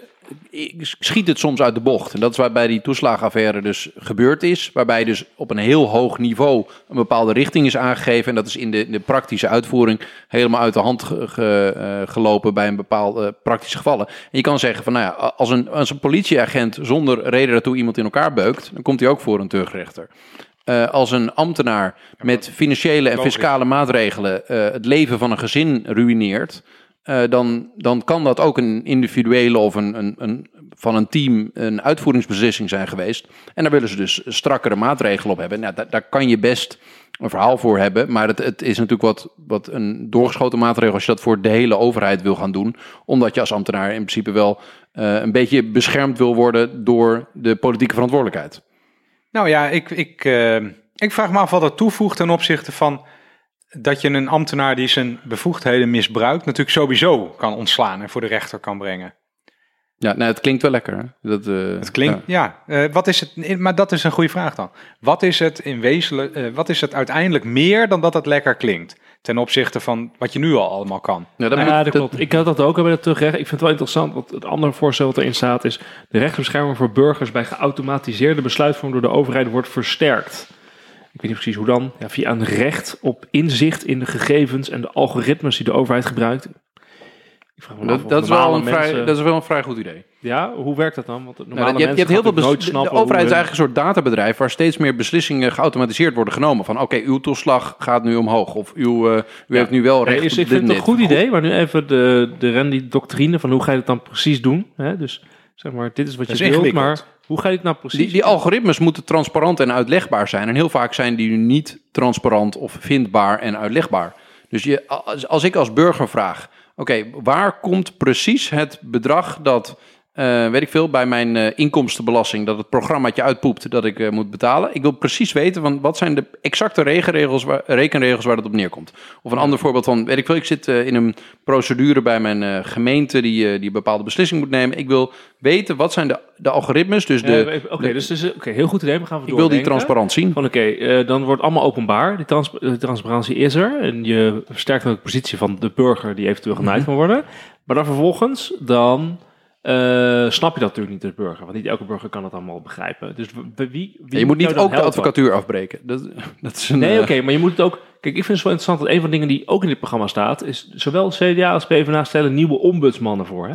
Ja, Dus ja, klopt. CDA zegt we willen een belastingombudsman. Dus op het moment dat jij totaal aan de pan- komt met je belastingen, ik denk dat ook toeslagen erbij hoort en algoritme discussies ook, dan kan je een ombudsman die kan je helpen. In PvdA is er een ombudsman voor eh, eerlijk werk, zeg maar. Dus op het moment dat er zegt dat er ehm, arbeidsregels worden geschonden, zeg maar. ehm, dan kan je bij de ombudsman en die kan dan privaat voor jou opkomen. Eh, dat vind ik wel interessant. Dat allebei die partijen zeggen: eh, we moeten op een of andere manier de positie van de burger versterken. Op dus Ja. Bijzondere dossiers, belastingen en arbeidsmarkt. Dus de, de, de nationale ombudsman is blijkbaar niet voldoende. Er moet een, een, hele ombudsman op een bepaald terrein komen waar de burger in de verdrukking komt. Nou, ik vind dat zeker met de belastingen vind ik dat eh, wel een aanlokkelijk idee, ja. Want als je ziet ehm, wat voor bevoegdheden de overheid heeft als het gaat om belastingheffing, dan kunnen ze jou alles kunnen ze aandoen. Ehm, en dat gaat natuurlijk goed, zolang eh, dat goed gaat. En de afgelopen jaren hebben we gezien dat de Belastingdienst die bevoegdheden heeft misbruikt. En dat eh, de staatssecretaris eh, die daarvoor verantwoordelijk is, daar onvoldoende grip op heeft. Keer op keer op keer. Ja, dan moet je moet wat dan. Hè, dit, kan ook niet, eh, dit kan ook niet zo doorgaan. Je ondermijnt de hele, het, het hele draagvlak onder belastingheffing, ondermijn je wanneer dat niet op een eerlijke manier gebeurt. Dus misschien klinkt dit wat vergaand bovenop een, de nationale ombudsman, maar ja, eh, ik eis als burger, eh, ik betaal me helemaal schil aan belasting hier. Ik wil eh, beschermd worden Maar je, tegen je hebt wel hier weer het, het risico dat het middel weer meer complexiteit in die hele overheid brengt. Want we hebben nu een ombudsman en een organisatie die het instituut Nationale Ombudsman vormt. Ga je daar weer drie organisaties naast poten? Nee, weet je, ombudsman voor zus en zo. En het, het- het- vaak is het middel uiteindelijk over, over twee kabinetsperiodes een probleem geworden. Nou, dat, dat, dat, in algemene zin klopt dat, ja. Alleen wat nu een probleem is, is dat als je een conflict hebt met de Belastingdienst, dat de Belastingdienst is een oester. Daar komt geen informatie uit. Zelfs voor kamer, Kamerleden moeten mensen Mhm. met de, half met de dood bedreigen om eh, bepaalde memo's eh gepubliceerd te niet, krijgen. Je moet, eh, je moet als Kamerlid moet je ministeries wobben om bepaalde... Nou ja, Pieter Omzicht kan erover meepraten. Mhm. Om naar boven te krijgen hoe het eigenlijk zit. Een individuele burger die daar wellicht helemaal niet in geschoold is. Die kans is natuurlijk... eh, Nee, dus het, Het grootste. algoritme Lukt nooit. snapt het natuurlijk ook niet. Dus eh, ik snap dat je dan een ombudsman nodig hebt. Het is wel ja, handig om je iemand hebt aan je iemand zij nodig die jou beschermt. Dat snap ik wel. En, En de rechter, de is rechter kiest vaak partij voor de Belastingdienst. Hè? Want een rechter die, eh, die weet het soms ook niet. En dan voelt hij aan zijn buik en dan neemt hij een besluit. Eh, dus je moet misschien een professional hebben. Nou, ze hebben ook goede Nou, advocaten. nee, ik denk wel dat er nog... Nee, maar ik wil meer zeggen dat, In dat het fiscaal recht is dat zo. ik, ik, ben ook, ik ben ook maar eh, Jan de ambtenaar. Ehm, ik, ik geloof in zijn algemeenheid meer in eh, niet per se nieuwe instituten erbij oprichten, maar in transparantie van de bestaande instituten. Dat je, het, het- je moet het mogelijk maken om, om misschien mogelijkerwijs met, met, met goede hulp. Dus als, als jij een niet zo hoog opgeleid iemand bent, dan moet je voor niet al te veel centjes je, of eh, gewoon überhaupt je, je kunnen laten helpen om die transparante overheid, om je daar tegen te wapenen, zodat jij je recht kan halen. Zodat je kunt, maar het, het, een intransparante overheid, dat is het meest wantrouwenwekkende wat er is. Dat er dus Ja. beslissingen genomen worden en je kan niet weten waarom. Dat lukt je gewoon niet, omdat je er niet in komt. Dus het, als je als, Ja. weet ik veel, Vodafone, Ziggo of KPN, die doen soms ook dingen. Dat je denkt van, ik, jullie callcenter neemt niet op, jullie reageren niet op social media, ik kan hier niet met jullie mailen en alsnog is mijn internet kut. Dan word je gek. Dat is hetzelfde met een overheid die... Heb In jij zoiets gehad, Wouter, of niet, toevallig? Nee, heel veel mensen Hier, hebben hier spreekt een dieperliggende frustratie. Ja, ik voel ja. dat Ja, ik ben weggegaan bij die allebei. Ik ben Oh, T-Mobile. oh, er speelt wel wat. Dus toch. Dus Maar je toch. kan niet weg bij de overheid. Dat is, eh, er is er maar één. Wouter, ik was bij het lijstje van toeslagen. Ja, dat wou ik net zeggen. Ja. ja. Ehm, VVD, de, waarom niet bij aanbeland, maar die behouden de toeslagen, zeggen ze, maar maken ze wel eenvoudiger. En ehm, waar het kan, zetten we ze om in lagere lasten. Dus ze willen gewoon dingen goedkoper maken en eh, de boel is ook wel oké op dit moment. Ehm, andere luisteraar vroeg, dat is Jasper Klapwijk. Ja, zo heet hij. Ehm, de klimaatdoelen. Wat zeggen ze daar? Want dat is wel de, de, de, de klimaat- of duurzaamheidsparagraaf van deze drie eh, lopen ook wel flink uiteen. We, hebben het al heel veel gehad over de dingen waar ze wat redelijk over eens zijn. Maar hier zijn ze, zie je echt nog wel een soort van eh, splitsing tussen, tussen deze drie. Waarbij denk ik het CDA enigszins in het midden zit. Want die maken wel een redelijke beweging eh, naar meer een uh, ja, duurzaamheid zien als het uh, een beetje lief zijn voor, voor de planeet. Die, die niet van ons is, maar van, van een hogere macht. Um, de PvdA wil sneller gaan dan de doelen van Parijs eigenlijk. Um, wil bijvoorbeeld alle kolencentrales sluiten en ziet kernenergie niet als een optie. En CDA en VVD wel, hè? die willen allebei, allebei ja, dat, ja, dat heb ik inderdaad op mijn lijstje Oh, sorry. Uh, het, het, het, CDA en VVD zien kernenergie allebei wel als een optie. Het, uh, het, de VVD wil kolencentrales geleidelijk sluiten de komende tien jaar. Dus dat is meer van, uh, we zien nog wel even met die kolencentrales. En het CDA rept niet van kolencentrales en wil vooral spreken van een verstandige energiemix. Um, ja, ja, ja. Het CDA zegt rond de duur, uh, duurzaamheidsdoelstelling van Parijs van daar gaan we aan, aan werken. Uh, ook met, samen met de grootste vervuilers en de agrarische sector. Um, het ja, CDA de, laat zich toch nog steeds wel erg gijzelen door de, door de boeren. Hè? Ja, dat is voor hun wel lastig. Precies, wat mij meteen opviel is, ze zeggen wel elke sector moet een evenredige bijdrage leveren. Maar ze willen dus niks verplichten. En wat er heel duidelijk in staat, dan denk je, dit is een zin waar de programmacommissie heel vaak over gesproken heeft. En waarschijnlijk nog afgestemd met partijbestuur ook. Namelijk dat er ja, ja. Um, langjarige duurzaamheidsdoelen voor de agrarische sector worden gesteld. Die niet steeds veranderen, staat er nog bij, geloof ik. Sorry, die? Die niet steeds veranderen, dat staat er ook okay, nog ergens ja? bij. En dan mag op bedrijfsniveau is er vrijheid om ze in te vullen. En dan denk je ook, ja, dit is dus uh, hartstikke zacht, maar wel van, oké, okay, we moeten wel wat afspraken. Hartstikke zacht, het is helemaal niks zelfs. Ja. Het is echt een scheet in een Plus netje. wat er staat is een CO2-heffing, dus hebben we niet meer over de boeren, maar bedrijven, CO2-heffing, maar dan wel een gelijk speelveld in Europa. En als in Europa wat komt, dan wordt ja, het hier meteen afge Dat doen CDA en VVD allebei. Dus, Dus dus die- die zeggen van, ja, we moeten het, het heeft niet zoveel zin als we het alleen in Nederland gaan doen. Dus het moet rondom die CO2-heffing, ehm, daar moet, de het CDA spreekt, er moet allereerst stevig draagvlak zijn bij de burgers. En burgers moeten ook bereid zijn om echt de stap te zetten. En het moet eerlijk in Europa. Dus moet Europees breed consensus zijn. Nou, dat ga je niet lukken. Eh, Slappe hap, hè? Ja, dat vond ik ook on nee, dit, ontzaglijk nou, dit, dit zijn hey, dit ambtenaren herkennen, dit, dit zijn handige zinnetjes. Ja, maar weet je, ehm, de burger kijkt ook naar zijn leiders om voor, voor de ontwikkeling van zijn eigen mening. Hè? Dus als mensen een helder verhaal neerzetten van, jongens, het is misschien niet leuk, maar dit is nodig. Hè? Dit is zus en zo en we gaan het doen. Dan volgen mensen je ook op een gegeven moment. Dus je hoeft ook niet altijd zo bang te zijn. Als je in een peiling ziet dat mensen het nog niet steunen. Hè, dus ik zeg nog niet. Want mensen die, die, komen, die gaan wel door de bocht als het echt zo is. Ehm, en dat heb je toch wel met klimaat. Net zat je de hele tijd de VVD te prijzen omdat ze zo goed hebben geluisterd naar eh, Maurice de Hond onderbuikonderzoek eh onder Ja, niemand heeft gezegd dat Randy consistent moet zijn. Oké. Overigens, Inderdaad. over, oh, wil je lijst nog verder? Want over toch een beetje Nee, groene het dingen. klimaat vind ik wel een, Over eh, groene dingen. mooie- Wat dus interessant is, dat je zowel bij de VVD als CDA de elektrische auto's krijgen vol uit de zak. Ja. Dus er wordt allebei gezegd dat de fiscale eh, voordelen van de elektrische auto's, dat dat afgebouwd moet worden. Oftewel, het zijn Ja. subsidieslurpende auto's die eigenlijk vrij Ja. weinig doen voor het milieu. Sorry, maar dat was, ook, dat was ook echt niet normaal klimaat, meer hoeveel sorry. geld Ja, er daarheen het- smeten. Het, komt vooral bij de, bij de goed betalende, goed verdiende mensen terecht. Ja. Eh, en je ze, het VVD zegt dus, we gaan een kilometerheffing invoeren voor elektrische autootjes. Hè? Dus niet voor benzineauto's, maar wel een kil- kilometerheffing voor elektrische auto's. We betalen nu geen accijnzen. Dus, want die hebben geen, op, hè, op elektriciteit geen maar op benzine wel. Dus elektrische auto's moeten ook gaan meebetalen. Want als iedereen elektrisch gaat rijden, dan hebben we geen inkomsten meer voor de, voor de staat uit autootjes. Dus we gaan ook een kilometerheffing invoeren. Ja, je zal En de planeet maar redden en, en dan blut zijn. Ehm, ja, precies. Ehm, en eh, CDA zit daar dus ook op. Van oké, de elektrische auto's die moeten aangepakt worden. En wat interessant is, is dat... eh PvdA ook een kilometer heeft trouwens. Wat interessant is dat vliegen ook wel op de, op de helling staat. In de zin van dat dus het CDA zegt daadwerkelijk nu van...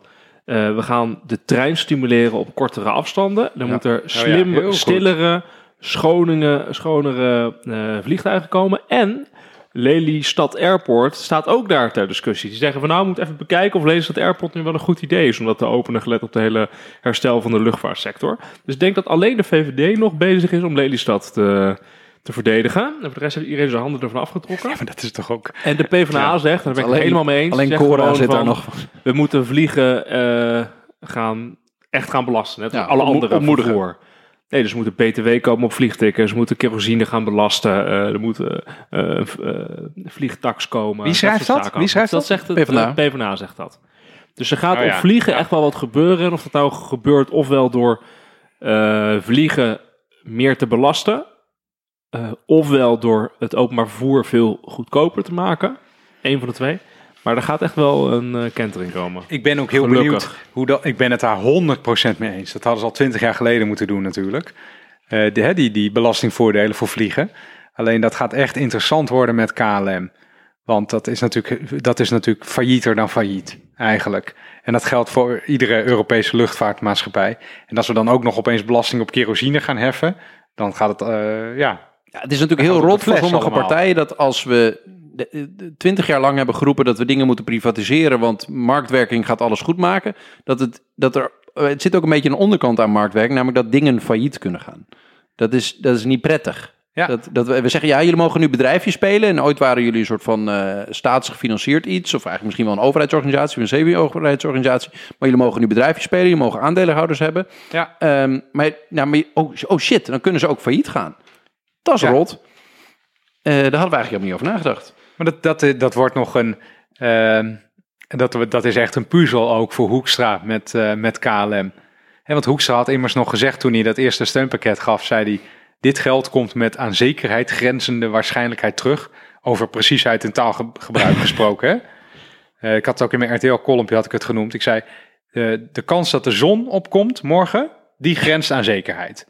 Maar de kans dat het geld wat wij aan KLM hebben overgemaakt terugkomt, die kans is op z'n op best klein of zeer onwaarschijnlijk. En dat blijkt nu ook. Het is natuurlijk hartstikke failliet.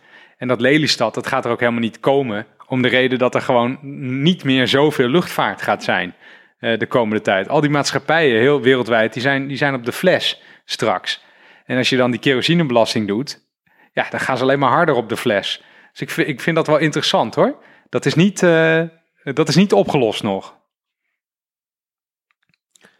Nou, voor de rest zie je nog bij, bij het PvdA, de, de paar, jou, eh, een van jouw stokpaard, Wiemer. Eh, st- eh, statiegeld op blikjes zit erbij. En, eh, Ja, dat is, dat is, mijn- dat is Ik- een grote verandering in de wereld. Ja. Je moet, je moet het in Politiek met de grote P. Mag ik overigens nog twee andere hele kleine dingen in het programma's noemen die ik wel echt mij het. meteen opvielen. Eh, en ik, dit, ik zeg het gewoon, ik ben het er niet gelijk mee eens. Eén, bij het CDA is een voorstel dat je bij problemen in je relatie, dat je dus ook zeg maar, Oh ja. je wil gaan, het is, er is een kans dat je gaat scheiden, dat je dus eigenlijk een soort relatietraining krijgt of cursussen krijgt via het Centrum voor Jeugd en Gezin. Dus let op, wij gaan met belastingcenten gaan wij dus Huwelijken eh, redden. Huwelijken redden, dat is wat CDA zegt. Vond ik dus heel opmerkelijk. Eh, ik vind het gewoon een goed idee. Wiemer, Gewoon- het, moet gewoon het doen. gezin, Het kan ik als, als vader zeggen, smijten is de belastinggeld tegen de hoeksteen van van elk gezin aan. En tweede punt wat ik heel interessant vond, is dat het VVD dus ergens, ik heb het niet goed gelezen, maar ze zeggen dus nu ook dat je je eigen nummerplaat mag kiezen. Dus je mag je, je, je Ja, kenteken dat vind ik zo mag je zelf... je mag eens je kenteken. Dus dan mag je gewoon... Weet je, Fuck VVD, 1. dat wil ik op mijn kenteken. Mag dat? Ik denk het wel. Ik denk het wel, denk het wel. Nee, nee, nee. Dit, eh, dit is een. eh, eh, ik heb het even opgezocht. Het is een, eh, eh, gewoon een verdiendingetje van de overheid. Want de overheid kan. Je krijgt de mogelijkheid om een persoonlijk bieder. kenteken aan te vragen. Ja, ja. Maar daar moet je dan wel voor betalen. Dat schijnt zo te zijn, hè, dat Ga je in die gewoon heel duur Arabische, in die oliestaatjes, Ja, ja, dan kan het dus ook. En dan kan je dus echt maar het, het kenteken met waar één op staat, of Ja. King, Kenteken, echt voor kenteken nummer 1, Ja, 10 die worden- miljoen euro. Ja, echt. Er wordt bizar veel geld voor gegeven. Dus op zichzelf is dat wel een aardig ding. Ja, dat is het overheidje spelen. Ja, eh, overheid als bedrijf. Dat geld wordt dan omgezet in de lastenverlichting voor de middenklasse. Nee, maar dat vind ik nou, dit vind ik nou zo ordinair. Dan moet je gewoon, die kant moet je gewoon niet opgaan als overheid. Gaan we kentekens veilen, flikker toch een eind op. Bovendien zijn die in Nederland gekoppeld aan je auto, hè? Dus dan moet je, Ja, we hebben, een, we hebben weer- een kentekenregister waar die Ja. dingen allemaal in geregistreerd staan. Ja. Ehm, Had je nog meer Andere lollige dingen. Huh? oh, Nou, ik, wat, wat ik een lollig Oh ja, we vond, gaan luisteren. als we dan toch over duurzaamheid eh, dingen hadden. Bij VVD, ehm, die, die hebben een paar dingen, die, die, die, die werden ook al als de Vroom Vroom partij genoemd, dat toch? De, de partij die eh, hield van eh, hard rijden, auto's. auto's, just goed Zo, zo. En er staat nog Zo steeds... debiel. een- Zou ze dat ook getest hebben met die, eh met Nee, die nou, er staat niet, Gewone mensen snappen dit. Vroom, vroom. ja, zo. Nee, er staat niet letterlijk Vroom in, maar er staat op een gegeven moment in het VVD-programma het zinnetje, er moet meer asfalt komen. Dus je hebt een heel, ze hebben een soort van duurzaamheidsparagraaf. En op een gegeven moment staat er een zinnetje en ik dacht, wat kom ik nou tegen? Eh, en het, het staat er dus letterlijk hè, van eh, meer regie voor de landelijke overheid bij eerlijke verdeling van schaarse ruimte tussen woningbouw, wegenbouw en landbouw. Alle sectoren verdienen ruimte om zich te ontwikkelen. Er moet meer asfalt komen. Punt. Ja. Nou, dat vinden, dat vinden hun kiezers. Heel goed. Maar het, het mooie, er staat geen toelichting van waarom. Gewoon fuck it, asfalt. Dat hoeft ook niet toegelicht te worden. Er moeten gewoon meer wegen komen, punt. Ik vind het. eh, De links equivalent is van er moeten meer spoorlijnen komen. Maar er is, er is, de afgelopen honderd jaar is er, is er niet een leuk stukje spoor bijgelegd, volgens mij. Want iedereen heeft het nog steeds over die Lelylijn. Hè? Dat is dan de lijn van Lelystad eh, naar Groningen. mhm. Eh, daar hebben ze het al, al, al mijn hele leven over, voor mijn gevoel. Leg, Ja. dat, leg, dat, leg dat domme ding nou gewoon een keertje aan dan. hè? Onderhand hebben we al gewoon eh, vijf keer België erbij geasfalteerd. Ja, nou, dat, dat, bedoel ik. Moet je kijken wat er aan snelwegen allemaal is neergelegd sinds die tijd. Leg nou gewoon een keer die spoorlijn neer, man. Doe het nou gewoon. De VVD is daar veel standvastiger in qua asfalt dan links politiek qua spoor. Jij bedoelt eigenlijk, ik ben het misschien niet met ze eens, maar ze zijn wel gewoon consistent. En wat ze. Ze leveren. Ja, en de mensen voelen dat. Van Nou, deze lui zo'n- shit voor mij. Er wordt altijd gezegd, oh, het is zo'n raadsel dat de VVD nog steeds de grootste partij is. Dan denk ik, ik zou het ook anders willen, hè. Maar ik vind het geen raadsel. Het, de niveau, het niveau waarop de VVD politiek bedrijft is van een heel ander niveau dan waar veel andere partijen op zitten. En als ze slim zijn, dan doen ze niet, niet, niet, niet van dat, dan tonen ze niet van de dédain van, oh wat belachelijk, hè? hoe kan dat nou? Maar leren ze van de VVD van, hoe doen ze dat nou? En een van de dingen is ook gewoon leveren op die dingen die hun kiezers willen. Asfalt. Ik vond het mooi, dat zinnetje kwam ik wel eens tegen. Er moet meer asfalt komen. Ja. Dat vond ik wel interessant. We hadden nog één vraag van een luisteraar trouwens, die we niet eh, gedaan hebben. Die, eh, op onze oproep. Ja, dat vond ik wel de moeilijkste. Dat was van eh, eh, Marleen Hagen. Eh, ik ken de beste dame niet. Maar die vroeg ons van, wat is nou het mensbeeld van deze drie partijen dat hier naar boven komt? Vind ik super makkelijk. Oh, leg uit. VVD. Oh. Je bent, Chill. VVD is gewoon, je werkt voor je geld, je moet hard aan de slag. Hardwerkend. Je kiest, hardwerkend. En Iedereen die dat niet doet, iedereen die niet doet, is een eh, prof- profiteur, moet er, eh, moet, moet er hard tegenaan gaan. Met een zweep Dus geslagen werken worden. moet lonen. Ja, precies. En voor de rest moeten bedrijven, die zijn belangrijk, want die zorgen voor de geld. De overheid mag heel veel dingen doen, maar niemand in de weg zitten. En als het geld uitgeeft, moet de kosten moet het ten goede komen van ofwel middeninkomens of meer geld, dus meer bedrijvigheid. Dat is een beetje wat erin zit. En iedereen die van buiten komt, eh, Doe niet mee. nou ja, mensen die van, van buiten Nederland komen, dat, dat die zijn niet eh, zomaar. eh, Buitenlanders waar wij niks aan hebben, die hoeven we niet. precies. Dus als jij, eh, als jij iets economisch simpel, kan ja. bijdragen, dan vinden we het goed en de rest eh, niet. Nou, en voor de rest, iedereen moet krijgen waar die, waar die recht op heeft. Dus we gaan niet, eh, gaan niet herverdelen. Daar hebben we geen zin in. Alleen voor de middenklasse, voor de bedrijven. Dat, die krijgen geld, de rest niet. Nou, dat is het eerste mensbeeld. Tweede mensbeeld, CDA. CDA is, we zijn een gezin. Eh, het is belangrijk dat we verenigingen hebben en dat we een samenleving hebben. Het is vervelend als de overheid ons allemaal dingen oplegt, want daar houden we niet van. Dat regelt wel een eigen kring. En de markt is leuk, maar alleen maar geld verdienen en individuele vrijheid, dat willen we niet. Want we hebben ook een beetje christelijke waarden en moeten voor elkaar zorgen. Nou, Goed, dat is het. punt. Ja. Dat is het. Het derde, de PvdA, ja, we doen het samen. We willen eh, graag een fatsoenlijke samenleving, willen eerlijk delen. Dus eh, we hebben een overheid om... eh, om Zorg voor de zwakkeren. Dat lees ik wel heel zwakkeren. duidelijk eh, terug Eh, weer. We moeten de vermogende mensen, die moeten betalen. De mensen met hoge inkomens, die moeten wat bijdragen. Eh, de bedrijven moeten ook wat bijdragen. En dan gaan we voor de rest eh, gewoon samen een mooi land van maken. Goed antwoord. Ik had het niet beter kunnen doen. Hey, laten we, laten, we Alleen al is die, blij. laten we al die luisteraarspunten even... eh, Eline van de Boogaard die heeft het over marktwerking in de zorg. Daar hebben we, het- daar hebben we het gewoon over gehad. Even kijken. Marlies van Eck, voornemen van afscheid EVRM van eh, de VVD. Hebben we het ook dat, over dat, gehad. dat gewoon het volk gaat boven de internationale rechtsorde. Klaas Hoekstra die heeft het ook over de afbouw van democratische rechten. Ja, daar reageerde bij iemand onder twee woorden, Sander Dekker. Ik wil het niet meer over Sander Dekker hebben. Dat vind ik nou zo'n... Dat vind ik nou zo'n vlees geworden VVD'er. Die is gewoon een keer omhoog gevallen. Ik weet ook niet precies hoe. Die kan niks. Die wil niks. Die zit- ook al vier of vijf jaar minister zonder dat iets van hem hebben gehoord. Nou, dat, dan scoor je bij de VVD goed, hè?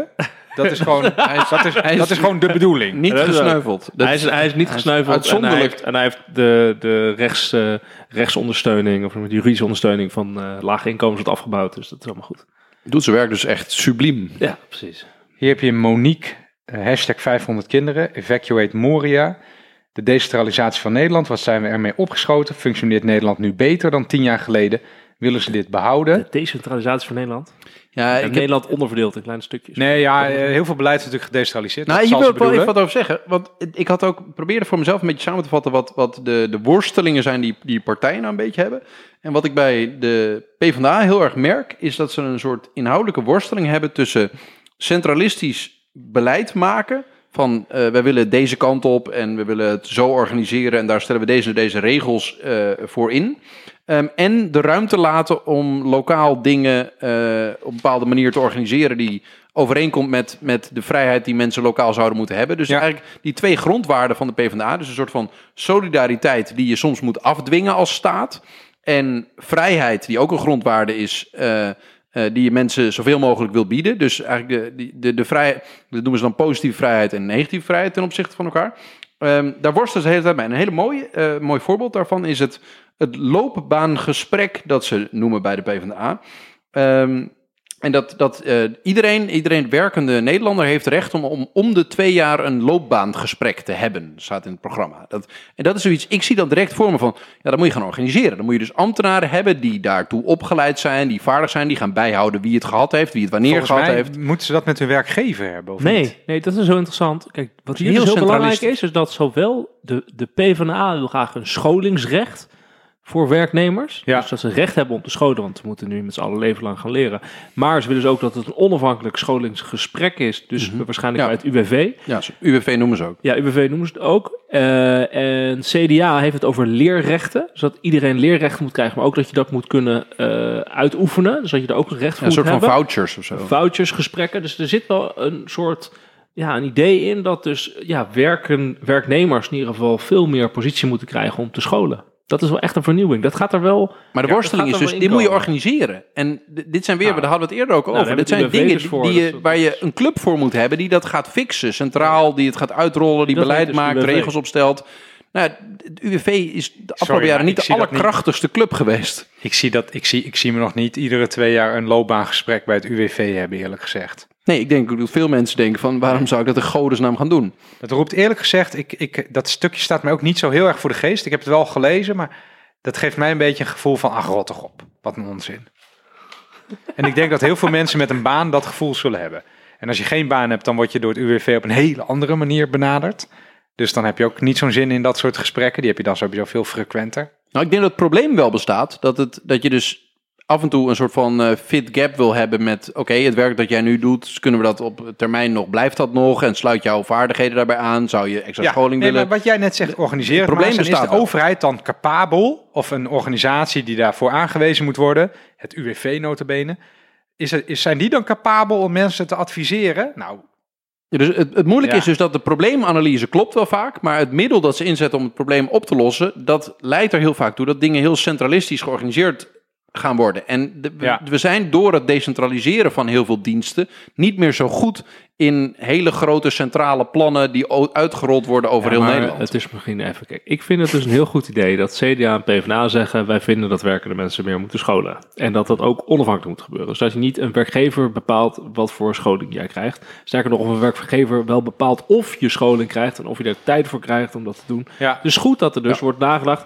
hoe gaan we het wel fixen? Want als je nu eh 40 jaar moet werken, of misschien nog wel langer, 50 jaar, dan is het wel handig als je ook een beetje bijscholt in je werkend leven, dat we daar iets voor regelen met elkaar. betekent niet dat dat, als je dat bij het UWV doet, dat betekent dat iedereen naar het hoofdkantoor, en waar zit dat? Amsterdam? Waar, Amsterdam, ja. dat iedereen naar het hoofdkantoor in Amsterdam moet komen elke twee jaar om daar een schoolgesprek te hebben. Ook het UWV is natuurlijk wel redelijk regionaal georganiseerd. Dus dat kan allemaal gewoon in de regio. Dus ik vind dat op zelf geen vreemd idee. Ik vind sowieso dat er in zo'n programma een voorstel staat van... hey, er moet iets van onafhankelijke instanties komen. Er moet geld komen. Je moet een recht krijgen om het te doen. En je moet erover nadenken. vind ik gewoon een goed idee. Maar ik kan nadenken over of het misschien ergens anders moet. Maar ik vind het goed dat het in allebei de programma's staat van het CDA en PvdA. Nou, weet je waar dit mij aan doet denken? Want je zegt, je moet dan ook tijd en ruimte hebben hè, om natuurlijk zo'n opleiding überhaupt Ja. te doen. En als je iedere dag afgepeigerd thuis komt, eh, nou, eh, dan lukt dat niet. Eh, dat in het Partij van de Arbeid programma staat, geloof ik, de precieze formulering ben ik even kwijt. Maar het gaat over de vierdaagse werkweek. Dat moet dan de standaard worden. Of dan moet je in ieder geval een soort recht op hebben. Oh, bij VVD is het tegenovergesteld, hè? Ja? Ja, die willen Ja, weer naar de, de voltijd. Die willen een stimulans inbouwen om mensen eh voltijd te laten werken. Nou, dat denk ik dat dus, dat, dat dus echt een, een denkfout is. Ook vanuit het VVD-denken. Want als je wilt dat mannen en vrouwen allebei werken, dan denk ik dat allebei vier dagen, dat is eigenlijk maximaal haalbaar op termijn. Want allebei vijf dagen. eh, met kinderen bijvoorbeeld, nou, jullie weten dat, eh, forget about it. Dat wordt, dat wordt allemaal best wel lastig. Ik denk als je ook wil dat mensen tot 71 jaar werken, dan moet je ze misschien een beetje sparen gedurende hun leven. Als je wil dat mensen, zoals het CDA, mantelzorg doen en bij verenigingen actief zijn, nou, eh, dan moet je ze ook niet eh, samen allebei vijf dagen laten werken. Daar moet je een nieuwe balans in vinden. En de VVD en ook D66, die zijn dat niet aan het vinden. En de linkse partijen zijn daar wat progressiever in. Eh, en ik denk dat dat, dat dat nog wel een heel belangrijk punt gaat worden. Vier dagen per week werken. Dat is gewoon wat mensen gemiddeld gezien willen. Mensen willen niet... Mensen die opties hebben, die doen dat ook. ja, mensen alleen die mensen kunnen die- doen dat. Ja, ieder, alleen, Alleen, als je mensen in die dat niet kunnen, sector die werken werkt vijf waar het nou dagen. dan is, Ja, gaan is mensen vijf dagen hè. werken. Het is gemiddeld. Ja, gewoon 36 uur per week werken in vier dagen, prima. Hartstikke fijn. Ja, maar dit- Per huishouden. Heel veel mensen zijn toch een stelletje. ja. Eh, en allebei vijf dagen is gewoon lastig. Dus je hebt dan vaak vijf, drie bijvoorbeeld. Hè. De man werkt dan vaak fulltime en de vrouw parttime. Als je dan toch het over gelijkheid hebt, dan kun je beter allebei vier gaan werken natuurlijk. En dan kan je er dus wat naast doen. Of niet omdat het zo leuk is, omdat het moet. Die bijscholing bijvoorbeeld, waar je het net over had. Nou, ik vind meer in het algemeen dat je goed rekenschap moet geven dat eh, een kind tijd kost. dus als je erover na moet denken dat als je, als je wil Ja, dat mensen gaan werken die logisch? kinderen hebben, of wil Ja. dat ouders gaan werken, dan moet je dus inderdaad kinderopvang gratis maken of heel makkelijk toegankelijk. Want dat, anders dan eh, is het onmogelijk. Dan ga je gewoon heel veel vrijdagen opnemen voor je kind te zorgen. Plus dat je weet dat bijvoorbeeld voor alleenstaande moeders of alleenstaande ouders in de bijstand of in de WW die weer aan het werk willen gaan. Het grootste probleem voor hen bij sollicitatie is gewoon Wat ga ik met mijn kind doen, in hemelsnaam, als ik een baan krijg? Dus je moet daar iets voor fixen. Dus ik vind het heel goed dat dan Ja. gratis kinderopvang komt. Of heel betaalbare kinderopvang. En de punt voor die scholing is gewoon... Ja, het is al makkelijk om te roepen, iedereen moet scholen. Maar je gaat niet nog een keer scholen als je vijf dagen in de week werkt. Je hebt een gezin. En je gaat het ook nog een keer s'avonds doen. Het mag niet in de baas tijd van de baas. Nee. Nee, dus je moet regelen dat er tijd komt en dat er geld komt en dat je er recht op krijgt. Nou, dat vind ik goed dat dat in die programma staat. Hey, één ander luisteraarsvraagje nog. Eh, Robert de Heer, trouwe luisteraar, eh, leidt, eh, luidt het nieuwe programma van de VVD definitief het einde van het neoliberalisme in? Zijn vandaag overkoepelende vraag die mij ook wel triggerde. Want ja, zelfs de VVD daar toch een soort van afstand lijkt te nemen. En toen dacht ik, ja, ik denk het eigenlijk wel. Het woord komt niet voor, maar volgens mij de, de meeste mensen die neoliberaal beleid propageren, zullen zichzelf nooit neoliberaal no- noemen, want het is een beetje een vies woord geworden. Links mensen zeggen dat mensen die heel, heel erg eh, marktfetischisten zijn, dat die neoliberaal doen. En die mensen Nou, die neoliberaal doen, zeggen dat dat niet bestaat. Heel lang is het inderdaad een soort scheldwoord geweest dat niet echt helder gedefinieerd is. Maar uiteindelijk is daar toch heel veel over geschreven. En komt het volgens mij een beetje neer op dat je van mening bent dat het marktmechanisme niet alleen de economie, maar ook de samenleving vergaand moet eh, ordenen. Ehm, en daar zie je eigenlijk iedereen wel van terugkomen. Dus zelfs marktwerking in de zorg is niet de bedoeling. Eh, als het gaat om eh, internationale politiek, dan moet, dan moet je dus ook een beetje nationalistisch worden, zelfs volgens de VVD. Hè? Dan moet je zorgen dat je je eigen medicijnen nou, maakt. al dat is sowieso. Bij de rechtsige partijen, dus Ja. CDA en PvdA, sociaal-economisch rechts. eh, sorry, eh, weet je, CDA en VVD, sociaal-economisch rechts. Zie je dus dat ze echt een enorme move maken naar protectionisme binnen Europa en binnen Nederland. Om gewoon economieën te beschermen, productie terug te halen, essentiële diensten terug te halen. ja. Dat is echt wel vergaand hoor. Dat is een hele grote verandering die je ziet. Ik denk dat het antwoord op Robert is ja in woord. In daad moeten we het nog even zien. Goeie, heel wijs. Kevin Klop die vraagt, hoe ver is de VVD nou echt naar links opgeschoven? En gaat dat electoraal wel werken? Hetzelfde antwoord. Nee, maar je ziet al bij de VVD. nee, Goed, je ziet al bij de VVD. Ja, ja, de vraag is ja. natuurlijk, wat is links? Als sociaal-economisch links is dat de inkomensverdeling ook gelijkmatiger moet. Dat de laagste inkomens er wat bij moeten krijgen en de hoogste inkomens meer moeten betalen. Dat staat niet in het VVD-programma. Het Nou ja, staat ook minimumloon, niet. minimumloon omhoog. Ja, heel het minimum staat ook niet dat eh mensen dat- met meer vermogen echt veel moeten eh, Nee. bij meer moeten bijdragen of dat er dat milieuvervuiling zwaar wordt belast. Dus in die zin is het zeker geen links eh, economisch programma. Nog, nog, van. een, nog een leuke, Frank van der Wolde. Zijn er punten waarop de VVD en het CDA linkser zijn dan de Partij van de Arbeid? Ik ben zo niet tegengekomen. Ik, ben, ik heb ook niet kunnen vinden. Ik eigenlijk ook niet. Nee, dus die ruk naar links die is ook betrekkelijk wat dat betreft. Hè? Mag nog iets, eh, of zou er nog leesvragen doen? Nou, ehm, even kijken. Wel nog eentje. Gert-Jan Bakker. Eh, die zegt, eh, die heeft het over tijdelijke huurcontracten. Die, eh, die zie ik alleen bij de Partij van de Arbeid nog terugkomen, dat ze daar vanaf willen. Ik zie dat niet eh, bij de andere partijen terug. Heb ik ook niet zo. Dus ik zou niet Ja, maar- verwachten dat dat, eh, dat dat zou lukken om die eruit eh, te krijgen. Hij is ook in het wonen actief, geloof ik. Nou, bij- de VVD willen ze volgens mij ook nog, nog wel meer eh, ehm, rondom de, de verschraling van de huursector eh, doorvoeren. Dus daar mag Ja, de VVD Moet de vrije huursector moet er gewoon volledig vrij. Mag geen enkele regulering meer. vandaag was een, dat- Vandaag, vandaag was een woondebat ook. En dat vond ik ook wel, wel kenmerkend. Daar, kwam, eh, daar zat ook opeens Thierry Baudet bij, die komt daar nooit. En iemand van de PVV. En die waren samen, waren ze Daniel Koerhuis van de VVD keihard aan het besje. Opdat het woningtekort is veroorzaakt, eh, volgens hun, door eh, het bevolkingsgroei. Wat dan natuurlijk weer veroorzaakt Migratie. wordt door immigranten. Dus als we die statushouders er gewoon eh, uit zouden flikkeren, dat is dan toch feitelijk was er gewoon ook geen woningtekort. Je gewoon telt, Nee, het woningtekort is veel groter dan dus ongeveer... het aantal statushouders. En de realiteit is ook dat statushouders toch wel in woningen zitten die ook van een andere kwaliteit zijn. Ik zeg het even ehm, zoals het is. Maar goed, dat viel dus op. Dat is echt een discussie dus op rechts, waarbij de VVD daar een beetje klem komt te zitten. Ehm, en ik wou daar nog wat over zeggen. Oh ja, de VVD die eh, was dus een heel tranentrekkend eh, verhaal aan het vertellen. Wat, wat, ik zeg dat nu een beetje overdreven, maar dat was ook echt zo. Van een, eh, een meisje, haar vader was terminaal ziek. Eh, en die is dus ook overleden. En toen moest zij van haar verhuurder, een woningcorporatie, moest zij uit die woning. Eh, dus dat is, dat is volstrekt onmenselijk. Dan is je vader al dood, je woont samen in dat huis. En dan zegt je verhuurder van, ga- rot jij maar op. Nou, dat kan natuurlijk niet. Dus uiteindelijk mocht zij natuurlijk ook blijven. Maar toen was op, daar was ophef, daar ging ophef aan vooraf. En de VVD zei, dat kan toch niet, dat kan toch niet, dat kan toch niet? En dan lees je het VVD-verkiezingsprogramma en dan zeggen zij... ja, iedereen die een inkomensstijging doormaakt, die moet uit zijn huurwoning. Uit zijn sociale huurwoning. denk ik, ja, dat is dus precies hoe je eh, beleidsmatig iets kan zeggen... wat wellicht logisch klinkt voor sommige mensen... Maar wat op individueel niveau natuurlijk rampzalig kan uitpakken. Want dan moet jij per een bepaalde datum uit je woning. Je kan geen huis kopen, dat is allemaal veel te duur. Privaat huren, dat is allemaal veel te duur. Waar moet je dan heen? Ja, dat... dat... is sowieso een raar uh, verhaal binnen het VVD-programma. Dat ze nu wel zeggen van.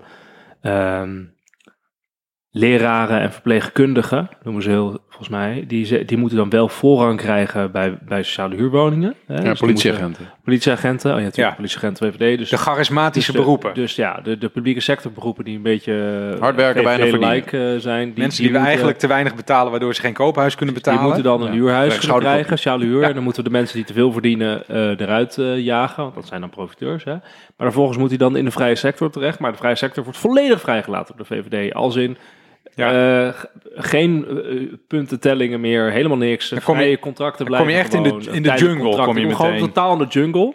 Met dus het verhaal, ja, als we dat doen, komen er woningen bij. Nou, ik bedoel, elke meest basale economische analyse laat zien dat dat niet gebeurt. Hè? Dus niet opeens woning uit de grond Dit is gewoon, dit is, komt heel dicht bij leugens. Hè? Als je dit gaat in je verkiezingsprogramma... Totale kolder inderdaad. Dit is gewoon totale kolder. Het gaat gewoon never nooit uh, werken. Dus het is in die zin wel heel heftig wat er voor... Als je op de VVD stemt, dan ben je in ieder geval niet bezig met het goed laten functioneren van de woningmarkt. Dat is, of tenminste, mensen betaalbare woningen. Als, als verpleger of politieagent of onderwijzer in Amsterdam kan je dan dus in Drenthe gaan wonen. Ja, ja. nou CDA is daar, duidelijk in. CDA zegt gewoon, de steden zijn eigenlijk te vol. Mensen moeten in de regio gaan wonen. We stoppen, we gaan heel veel geld investeren in de regio's naar woningen neer te zetten. En dan spoorverbindingen erheen, er moeten wegen heen, er moeten uh, hubs komen waarin je dan snel eh, heen en weer kan bewegen. En zo zorgen we dat het nog een beetje betaalbaar en gespreid is en dat de mobiliteit is. Dat is wel eerlijk, die, die zijn er wel duidelijk in. Nou, als het CDA ergens relevant, uh, relevante standpunten heeft, dan is het op dat snijvlak van het regionale en het woningmarktbeleid. Ja, ja. Want dat is, dat is uitermate reëel en sociaal. Nou, ze zeggen ook, dat vind ik, vind ik dat leuk, dat CDA is natuurlijk uh, van dat, uh, de radicale samenlevingsagenda, maar ze hebben de ene nationale plan na de andere. Hè? Dus ze willen een nationale diensttijd. Dus als je van 16 tot 20 jaar oud bent, dan moet je dus een diensttijd gaan doen en in de welzijn gaan werken of uh, andere sectoren voor ouderen gaan zorgen. Ik ben daar heel erg voor. Wat vind, jij, wat vind jij daarvan? Ja, ik, ik, ik, ik, ja, ik krijg dan een beetje Nee, ik krijg een beetje kriebels dan. Spruitjeskriebels? Of wat voor kriebels krijg je dan? Ja, uh, nee, dat ik het besta bestaat nu al. Hè? Er is nu een, uh, een sociale diensttijd voor jongeren. Dat ja. is wat kleinschaliger. Maar... Nou, ik vind dat heel... Ik, ik word er een beetje onrustig van als je iedereen uh, tussen 26 jaar een nationale diensttijd gaat laten vervullen. En ze zeggen dan volgens ook nog, ja, dat is dan goed voor de ouderen, want dan krijg je dan wat ondersteuning, geen eenzaamheid. En volgens is het ook nog zo, dus dan zeggen schoolverlaters en dat soort jongeren krijgen dan een extra kans. Oké, maar ik, ik merk dat ik zo'n zo'n opgelegd programma vind ik ver gaan. Maar even nog mijn rijtje afmaken. Denk van ja, nog meer nationale programma. Er komt ook een nationaal woonplan. Vooral gericht op uh, een kwart voor de, van de nieuwe woningen. Ook in de regio vooral gebouwd. Dus voor jongeren en voor starters. Maar ook een heel groot programma dus om voor ouderen. Dus de vergrijzende bevolking. Om daar nieuwe soort huizen van te maken. Zodat ze eigenlijk dus uit hun gezinshuizen voorheen gezinshuizen. En nu zijn ze natuurlijk alleen zaten met Wat bedoelen ze met een nieuw soort woningen? Het bejaardentehuis? Nee, dus, uh, al, zeg maar gewoon kleinere woningen waar ouderen heen kunnen. Zodat gezinswoningen dus vrijkomen voor gezinnen. Dat is wat ze willen. Dus hebben echt. Maar wat is er nou mis met het bejaardenhuis? Weet je, mij lijkt het bejaardenhuis gezellig, jongens. Gaan we met z'n drieën later in het bejaardenhuis. Ja, wij hebben ons een nepmicrofoon en doen, doen we dit ook nog steeds. Wat is er nou mis mee? Dat is toch hartstikke leuk juist? Ja, ik, ik wil later ook liever in een bejaardenhuis dan mijn eentje in een appartementje zitten. 100%. Zit je dat te verpieteren? Ja. En ze willen dus ook een uh, nationaal programma voor de toekomst van de regio. Komt er ook. En er komt ook een minister van regionale ontwikkelingen. Uitermate, ja, ik ben hier helemaal voor. En die ja. moeten dan ook Groningen het programma gaan doen en zo. En al deze woonplannen. En er komt, en ik, Wouter was benieuwd hoe jij dat vond, een nationale cybersecurity coördinator. Dus eigenlijk net zo'n beetje als nu de nationale terrorismebestrijding coördinator. Ik zie Wouter denken, ik ben beschikbaar. Nou, het lijkt me op termijn wel een leuke baan, ja. Ja, Ja, dat zijn wel interessante Ja, daar ga je niet over liegen. En een Eh, planbureau voor de veiligheid moet er ook komen. Allemaal van die, van die best wel grote... Ik had, ik had in ieder geval niet meer het gevoel... ik ben nu met een radicale samenleving bezig... maar meer gewoon een nationale blauwdruk... van zo moet Nederland eruit komen te zien. Nou ja, ze pakken de teugels wel in handen. Ze laten het niet aan de markt over. Wat dat Ja. betreft heeft het CDA heeft 100% afscheid genomen van het neoliberalisme. Ja, ja dat is zeker waar, ja. Ja, dus, eh, met tien jaar geleden is het een heel ander programma. hey, we, we hebben ehm, volgens mij de langste Studio Tegengif aflevering tot nu toe eh, bereikt. Ah, ik Oh. wil nog even doorgaan. Ja? Ik heb zoveel, joh. Ja, ik heb ook Nee. nog echt- nee. Nee, ik heb echt nog, ik kan al uren hierover We hebben het doorgaan. helemaal niet gehad over hoe werkenden dus meer van de, van, de, van de economische welvaart moeten gaan krijgen de komende jaren. Want er worden radicale dingen voorgesteld hè, om eh, automatische loongroei van de werkenden met de economie. En, Inspraak bij bedrijven. ja, winstdeling. Ah, dat doen we de allemaal. volgende keer. Eh, Ja, we kunnen het is goed zo. T- t- ja? Ja, Ja. ik moet ook naar de wc. Ik vond het wel echt ontzettend leuk om hier weer eh, over te, te podcasteren. Eh, Ja. Ik hoop dat de luisteraars het ook leuk vonden dat we hun vragen en opmerkingen hebben meegenomen. En al onze onvolledigheden zullen we bij deze dan eh, accepteren. Ehm, Ja, bedankt. Ja, Eh ik voor hoop dat weer- Bedankt voor het luisteren. de vorige aflevering deed heel goed in de cijfers toen we het verkiezingsprogramma bespraken. Dus ik ben heel benieuwd hoe dit het doet. En, En geef ons alsjeblieft een review op Apple Podcast. Ja. Adviseer ons bij je vrienden. En als je nog ideeën hebt over hoe we onze podcast eh, beter beluisterd eh, eh, moeten kunnen krijgen, eh, meld je bij Randy Martens. Precies. Onze excuus is dat we niet alle punten uit de bij elkaar 300 pagina's van die programma's hebben. Ja, dit was wel het belangrijkste. Dit, dit was Zeker, goed. zeker, zeker. Dank voor het luisteren. Bedankt.